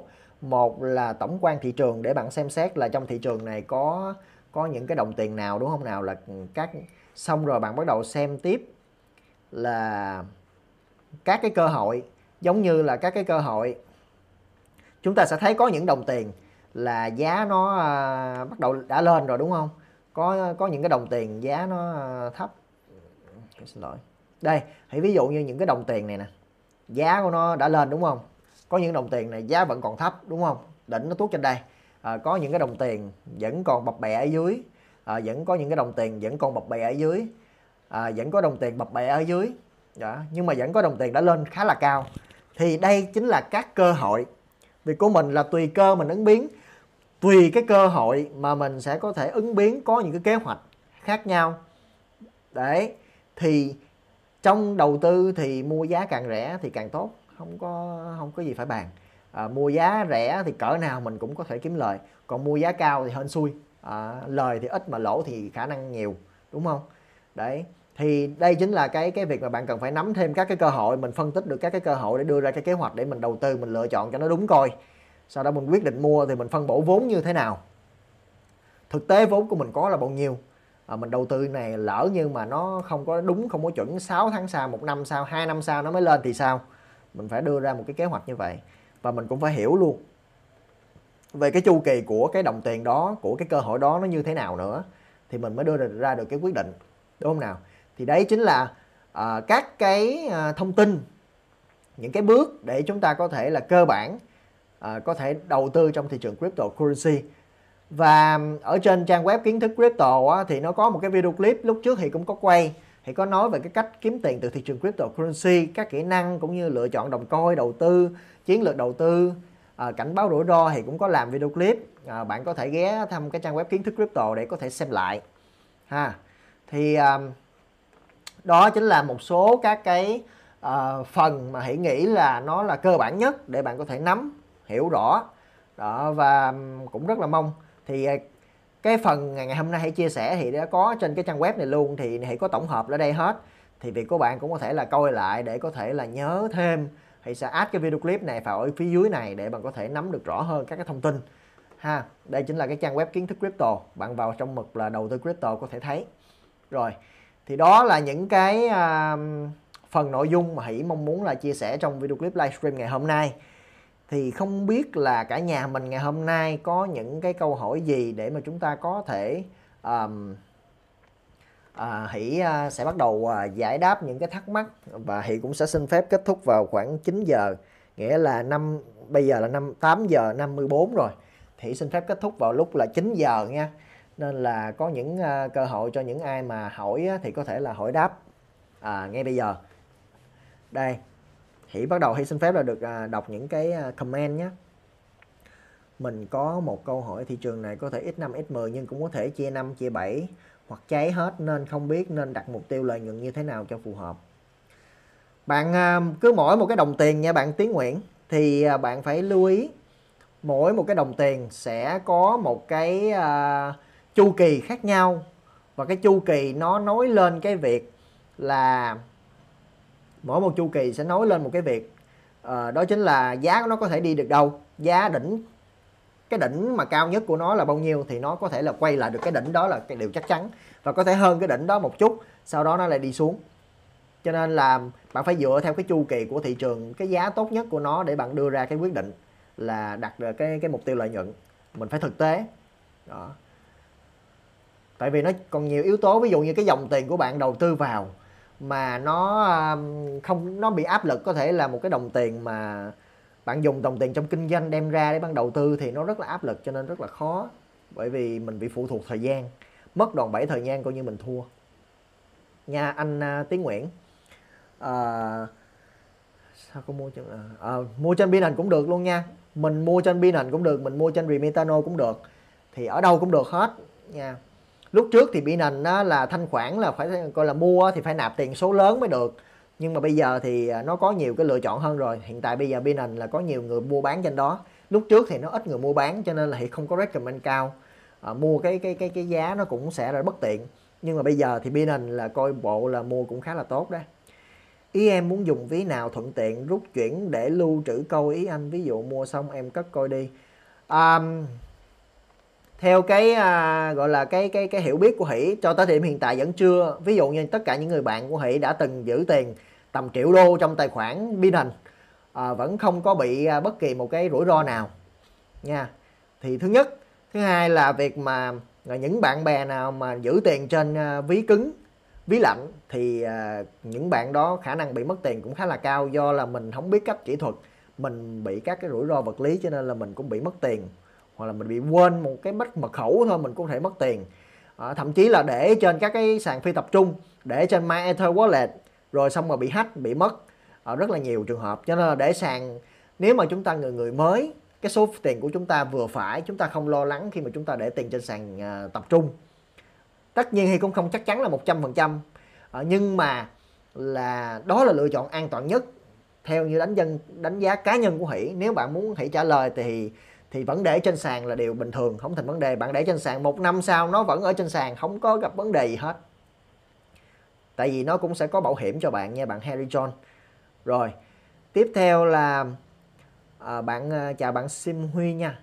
Bạn mua Nguyễn gọi là em mua bán luôn trên Remitano không chuyển sang Binance à, à, được nha bạn mua Nguyễn nhưng mà bạn phải biết là trên Remitano chỉ có những đồng tiền thông dụng thôi. Còn những đồng tiền những cái crypto khác à, mà ở trên Binance thì bạn không mua được nha bạn à, à, Moon Nguyễn bạn chỉ mua được những đồng tiền nào có ở trên Remitano thì bạn có thể mua. Rồi ha đơn giản mà. Chào bạn à, Thuận à, Thuận Hồ Thế thì xin phép uống miếng nước. Xin chào bum đum. Ngoài Binance mua trữ sàn nào admin? Đây ngoài Binance thì bạn hoàn toàn có thể mua trên Hubi nè bạn những cái sàn giao dịch nào à, lớn thì bạn có thể là đầu tư nhé. À, à, anh ơi sàn à, không có à, số điện thoại tổng đài để gọi điện tư vấn mà chỉ chat thắc mắc còn số điện thoại thì không liên hệ được. À, bạn à, nói là trên sàn nào vậy bạn mua Nguyễn ơi? Nộp tiền vào thì em thành thạo lắm còn rút tiền ra tiền mặt thì em chưa thử bao giờ. Đúng rồi bạn có những người đầu tư rất nhiều tiền nhưng mà chưa bao giờ rút tiền ra. hãy rút tiền miết. Hãy đầu tư là có lời là hãy rút hãy không có để lâu đâu. Đó có rút tiền ra trả nợ vậy để làm gì? Nhóc xe rác chào anh hỷ em anh cho em hỏi em thấy con coi bi. Thì à, nãy giờ thì cũng có chia sẻ thì bạn cứ quy chiếu à, bi à, network là cái đồng tiền loại gì ở trên sàn nhỏ hay sàn lớn à, đồng bi network này là có thanh khoản lớn hay thanh khoản nhỏ thì bạn cũng sẽ tự trả lời và đưa ra được cái nhận định về cái đánh giá cái đồng tiền này ngay. Không cần phải hỏi hỉ đâu bạn hoàn toàn có thể là dựa theo những cái phần thông tin là được rồi. Bạn gia phạm thịnh em chào thầy hỷ đeo khẩu trang vào thầy ơi. Thì còn cái khẩu trang mà hôm nay hỷ không có ờ, không có đeo. Chào bạn ờ, duy minh nguyễn đình nha em nghịch ngu vào filter cháy 1000 mà cháy lúc nào còn không biết. Đấy nha đây cũng là một cái uh, một cái bài học để mà cho cảnh báo cho những bạn nào mà không có hiểu về à, đầu tư mà đòn bẩy thì đừng có đụng. Tốt nhất đừng có đụng nhất là những người mới không biết gì. Nha rất là nguy hiểm. Anh ơi tí like xong anh có thể cho em xin đường link nào học phân tích nến chạc mà anh tâm đắc nhất hay nơi nào học mà tâm đắc? Ờ, à, bạn uh, Harry John bạn có thể là follow anh uh, Simon nhé. À, bạn cứ coi anh Simon bạn lục tất cả những video clip nào của anh Simon thì bạn cứ xem video clip của anh Simon. Thì anh ấy có chia sẻ rất là sâu sắc rất là hay và định hướng về chu kỳ dòng tiền cũng như là uh, có định hình về thị trường có phân tích tình hình về thị trường nữa. Cho nên là bạn cứ chú ý à, anh Simon. À bạn lưu ý nhé. Uh, hello uh, tú trần văn nha anh nói thêm làm sao xác định chu kỳ. Về xác định chu kỳ là về phân tích kỹ thuật thì bạn chú ý anh Simon luôn giúp hãy nha bạn tú trần văn ơi. Để lựa chọn đồng coin. Đó anh Simon sẽ làm cái vật mà việc đó hãy cái nhiệm vụ của hãy chỉ đủ cái sự hiểu biết để có thể giúp cho bạn hiểu cơ bản về thị trường tổng quan về thị trường nắm bắt rộng nhất về thị trường thôi. Còn về trực tiếp giá cả phân tích kỹ thuật chu kỳ dòng tiền thì anh Simon mới là cái người chuẩn để mà ảnh chia sẻ. Hãy không có chuyên môn hay không nói hãy không có đủ hiểu biết hãy cũng không dám nói. À, bởi vì cái lời nói của mình ảnh hưởng tới cái tài khoản của người khác. Thế thì mình tất nhiên là mình không dám nói rồi. Anh cho em hỏi web nào đào coi ổn bây giờ? Thực sự đào coi bây giờ không có ăn thua nha bạn Dũng Phạm ơi. Cái này không có ý nghĩa đâu nha bạn à, Dũng Phạm.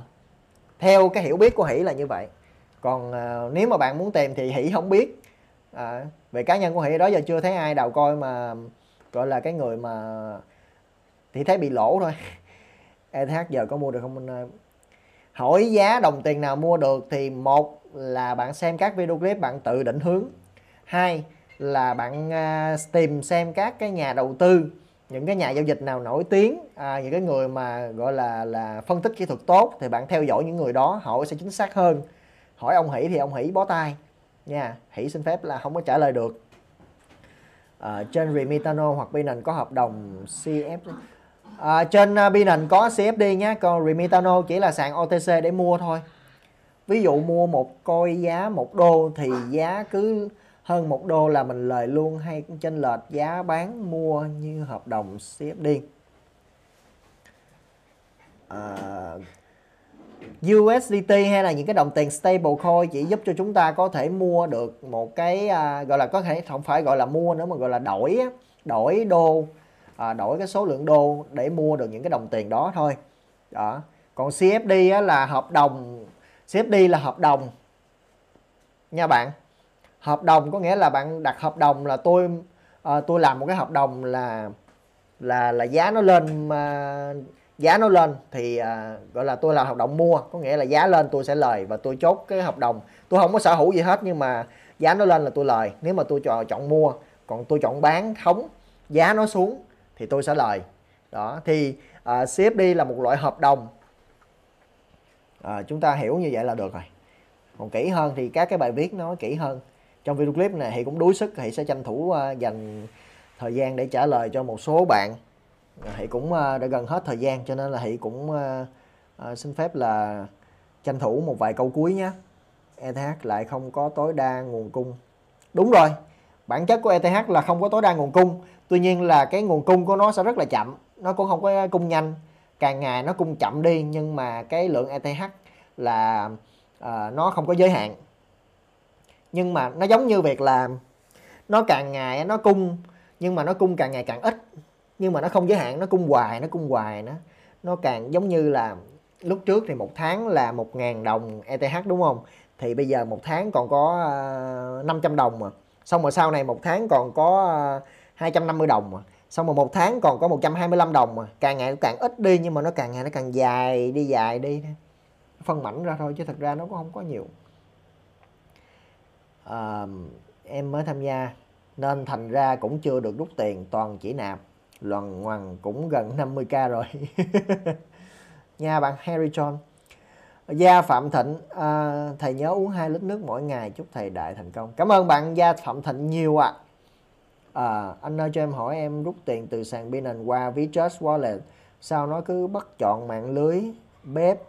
Bạn lưu ý là cái ví mà bạn à, nạp và cái ví mà bạn rút á bạn phải xem đúng cái là là bên ví bên nhận chuyển và bên à, nhận à, phải đúng nha bên này bếp thì bên kia phải là bếp bên đây là RC20 thì bên kia phải là RC20 bên này là Tron TRX thì bên kia cũng phải là TRX thì nó mới đúng nó mới đúng nó mới kết nối với nhau nó mới chuyển tiền được. Còn nếu mà mình làm sai khả năng là mình bị mất tiền cho nên là bạn cũng phải lưu ý.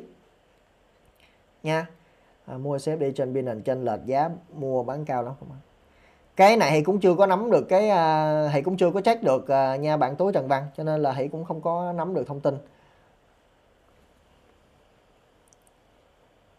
TRX tăng quanh. HT coi thế nào nhỉ hỉ ơi? Thì thì đó hồi nãy Hỷ cũng đã chia sẻ rồi. Việc của chúng ta là phải việc của chúng ta là phải uh, xem lại video clip này ở trong các cái phần nãy kéo chia sẻ đó. Đó rồi để mà chúng ta thấu chúng ta hiểu rõ để chúng ta đầu tư. À, hỏi những câu hỏi à, thì cũng à, hiện tại thì cũng sẽ là à, ở trong cái sự hiểu biết của mình rồi và chắc là ngày hôm nay thì cũng xin phép là được kết thúc cái livestream ngày hôm nay. À, rất là cảm ơn cả nhà đã đồng hành và theo dõi video clip. À, có những cái thông tin phía dưới à, nếu bạn nào quan tâm tới copy trade cũng có thể là à, ngó sang phía dưới để mà xem à, copy trading là gì eToro là gì à, một cái đầu định hướng đầu tư à, ổn định và lâu dài. Hãy enjoy với eToro còn nếu mà bạn muốn đầu tư về uh, crypto thì ở phía dưới cũng có cái đường link kiến thức crypto. Bạn vào giống như hồi nãy hướng dẫn đó. Rồi bạn à, làm theo các cái bước thì cũng có là dữ liệu huy có chuẩn bị đầy đủ hết cho bạn rồi. Việc của bạn đó chính là dành thời gian ra coi thôi, rồi xong rồi đưa ra quyết định. Rồi, video clip ngày hôm nay livestream đến đây là kết thúc. Cảm ơn cả nhà rất nhiều. Hẹn gặp lại cả nhà vào livestream tiếp theo của kiến thức crypto. Và hãy nhớ nha, vào ngày thứ bảy tuần này có một cái video clip cực kỳ cực kỳ đỉnh luôn. Nó là một cái hành trình của hỷ hãy tin chắc luôn là video clip đó sẽ giúp ích rất nhiều cho bạn. Và mãi mãi bạn sẽ không có bị à, gọi là bị bị à, bị bất ổn trong tài chính nếu như bạn xem video clip vào ngày thứ bảy. Nha. À, chúc bạn à, sức khỏe thành công và nắm bắt được những cái cơ hội tuyệt vời trong thời gian tới. À...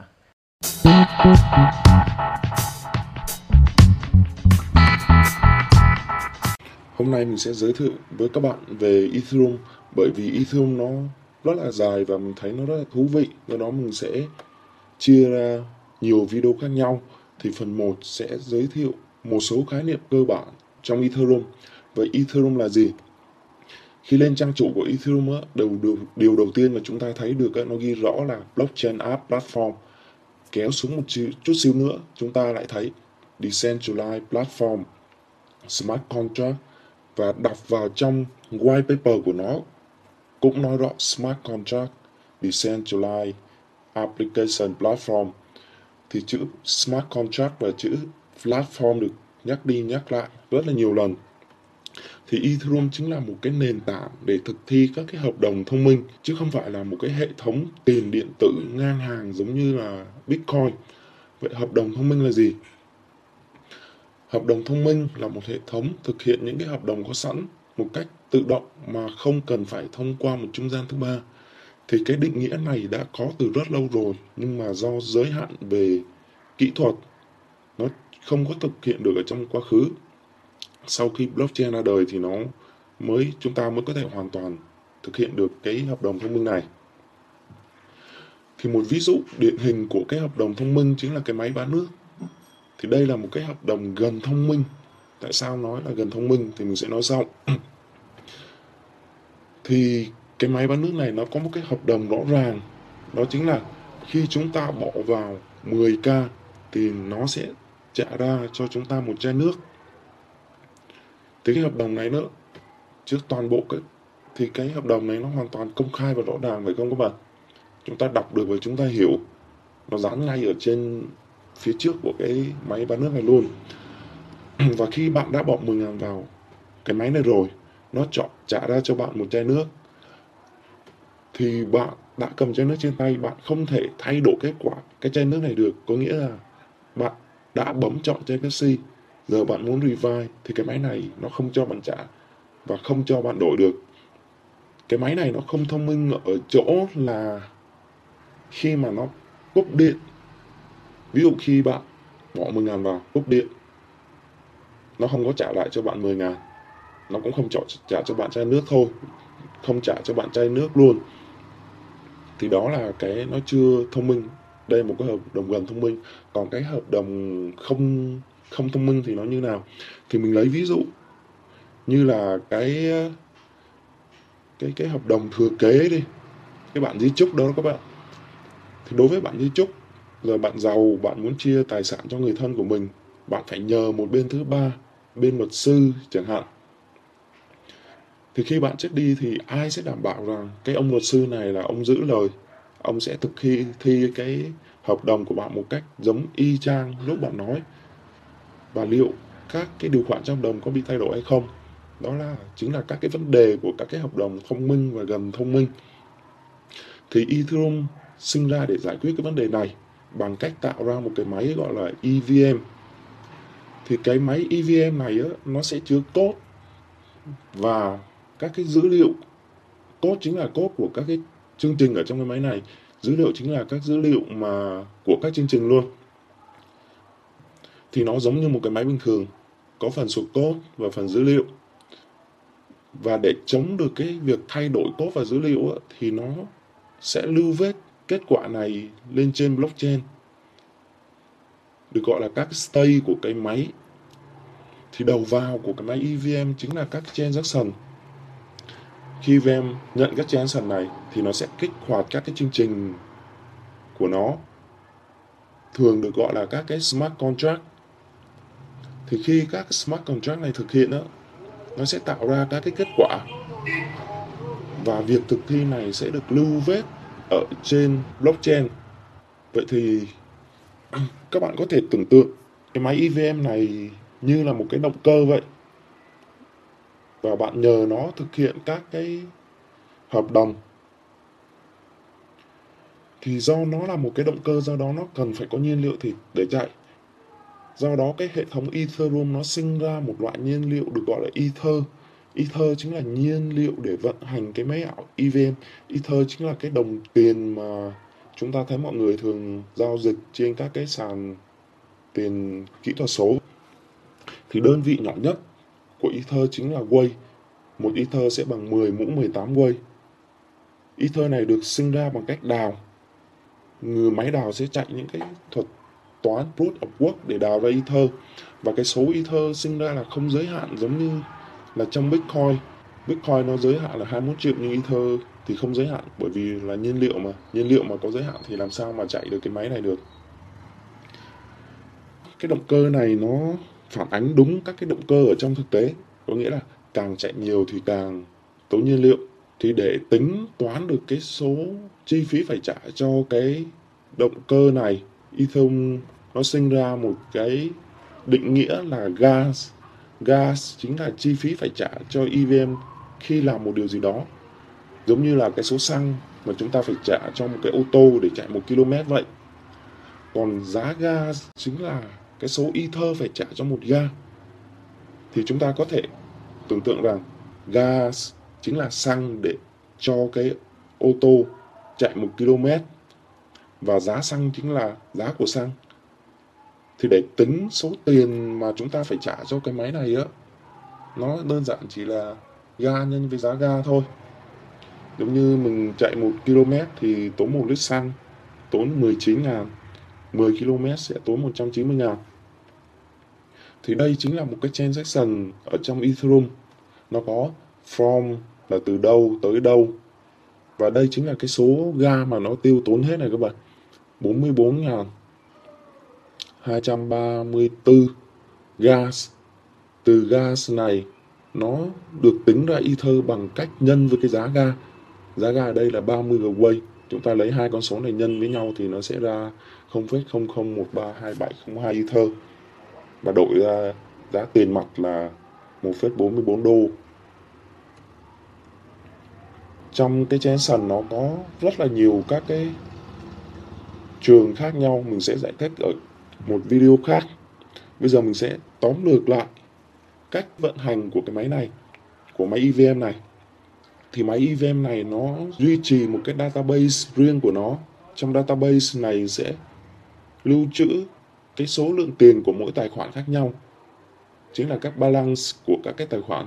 Ví dụ như chúng ta đang ở block, có stay là C34 này và cái database của chúng ta có hai tài khoản, A 13 đồng và B 1 đồng. Khi mà cái máy EVM này nó nhận được một cái transaction, nó phân tích transaction này ra, nó thực hiện một smart contract nào đó. Ví dụ transaction này là chuyển từ A đến B 3 đồng, thì cái máy EVM nó sẽ cập nhật xuống database của nó là thành A10 B4 và nó lưu vết của cái việc thực hiện cái transaction này và cái kết quả này lên trên blockchain thì nó sẽ được ghi vào một cái block mới, có xây có stay là EC6 này. Thì cái stay này mình lấy ví dụ bằng cách tính đơn giản, stay sẽ bằng kết các 256 của cái transaction cộng với cái kết quả của cái toàn bộ cái database thì cái khác chính là một cái thuật toán hash giống như SHA thôi. Thì đây phía bên bên dưới này á, cũng là việc thực thi các cái transaction khác thôi. Và các bạn nên nên lưu ý rằng là trên blockchain của Ethereum nó chỉ lưu transaction và các state thôi chứ nó không có lưu toàn bộ cái kết quả này nhằm mục đích là giảm thiểu cái kích thước của blockchain. Thì trong block của Ethereum á, nó chứa rất là nhiều thành phần ngoài cái parent hash là cái hash block cha của block này nó còn chứa hash của uncle block, địa chỉ của miner người đào ra cái block này chứa ba cái root của ba cái cây Patricia. Chứa block bloom. Block bloom này giúp việc tìm kiếm event nhanh hơn. Chứa gas limit ga limit chính là số ga tối đa mà các transaction trong block này có thể dùng. Có nghĩa là trong block này có bao nhiêu transaction thì nó sẽ tính tổng tổng số ga của các transaction nếu mà cái tổng số ga đó lớn hơn nữa thì nó phải loại bỏ các transaction đi. Thì block nó dùng việc này để giới hạn số transaction ở trong một block, bởi vì block ở trong Ethereum nó không có quy định cái kích thước của block. Có nghĩa nó, có nghĩa là nó không quy định quy định block size mà nó sử dụng ga limit để giới hạn cái kích thước của block. Gas U chính là số ga thực sự của các cái transaction trong block này đã dùng. Thì nonce chính là số non ở trong cái thuật toán đào đó các bạn, root of work á. Thì để chống các cái con máy đào dạng ASIC, có nghĩa là các cái chip đào chuyên dụng á thì nó ở trong Ethereum nó sinh ra một cái trường nữa là mix hash là mục đích là để chống ASIC và phần cuối cùng đó chính là các cái transaction thôi. Thì ở đây có rất là nhiều các cái định nghĩa mới giống như Uncle Block, Patricia các cái root, các cái event. Thì mình sẽ làm những cái video khác để giới thiệu từng cái định nghĩa mới này. Thì mình xin tổng kết lại như sau. Ethereum là một nền tảng blockchain để thực thi các hợp đồng thông minh người dùng có thể tạo hợp đồng mới thực thi các, các hợp đồng bằng cách tạo ra các cái transaction có nghĩa là trong transaction sẽ quy định đây là transaction tạo hợp đồng mới hay là đây là transaction thực thi các cái hợp đồng. Thì việc tính phí transaction sẽ dựa trên sự phức tạp của các hợp đồng mà cái transaction này thực hiện. Cái hợp đồng cái smart contract mà càng phức tạp thì cái phí để thực hiện nó càng nhiều càng chạy nhiều thì càng tốn xăng. Còn blockchain ở trong Ethereum chỉ có nhiệm vụ lưu vết lại lịch sử của việc thực hiện các cái transaction chứ không lưu cái giá trị, không lưu cái kết quả của việc thực hiện đó nhằm mục đích là giảm thiểu kích thước của blockchain. Thì Ethereum sinh ra không phải là một hệ thống tiền điện tử như Bitcoin. Do đó, việc sử dụng Ethereum như một đồng tiền để mua bán hàng hóa là không đúng với thiết kế ban đầu. Nếu mà giá của Ethereum càng ngày càng cao thì cũng giống như giá xăng bên ngoài đời sống của chúng ta vậy. Giá xăng càng cao thì tất cả các chi phí nó sẽ tăng lên theo. Video hôm nay chỉ có như vậy thôi. Hẹn gặp lại các bạn trong các cái video tiếp theo.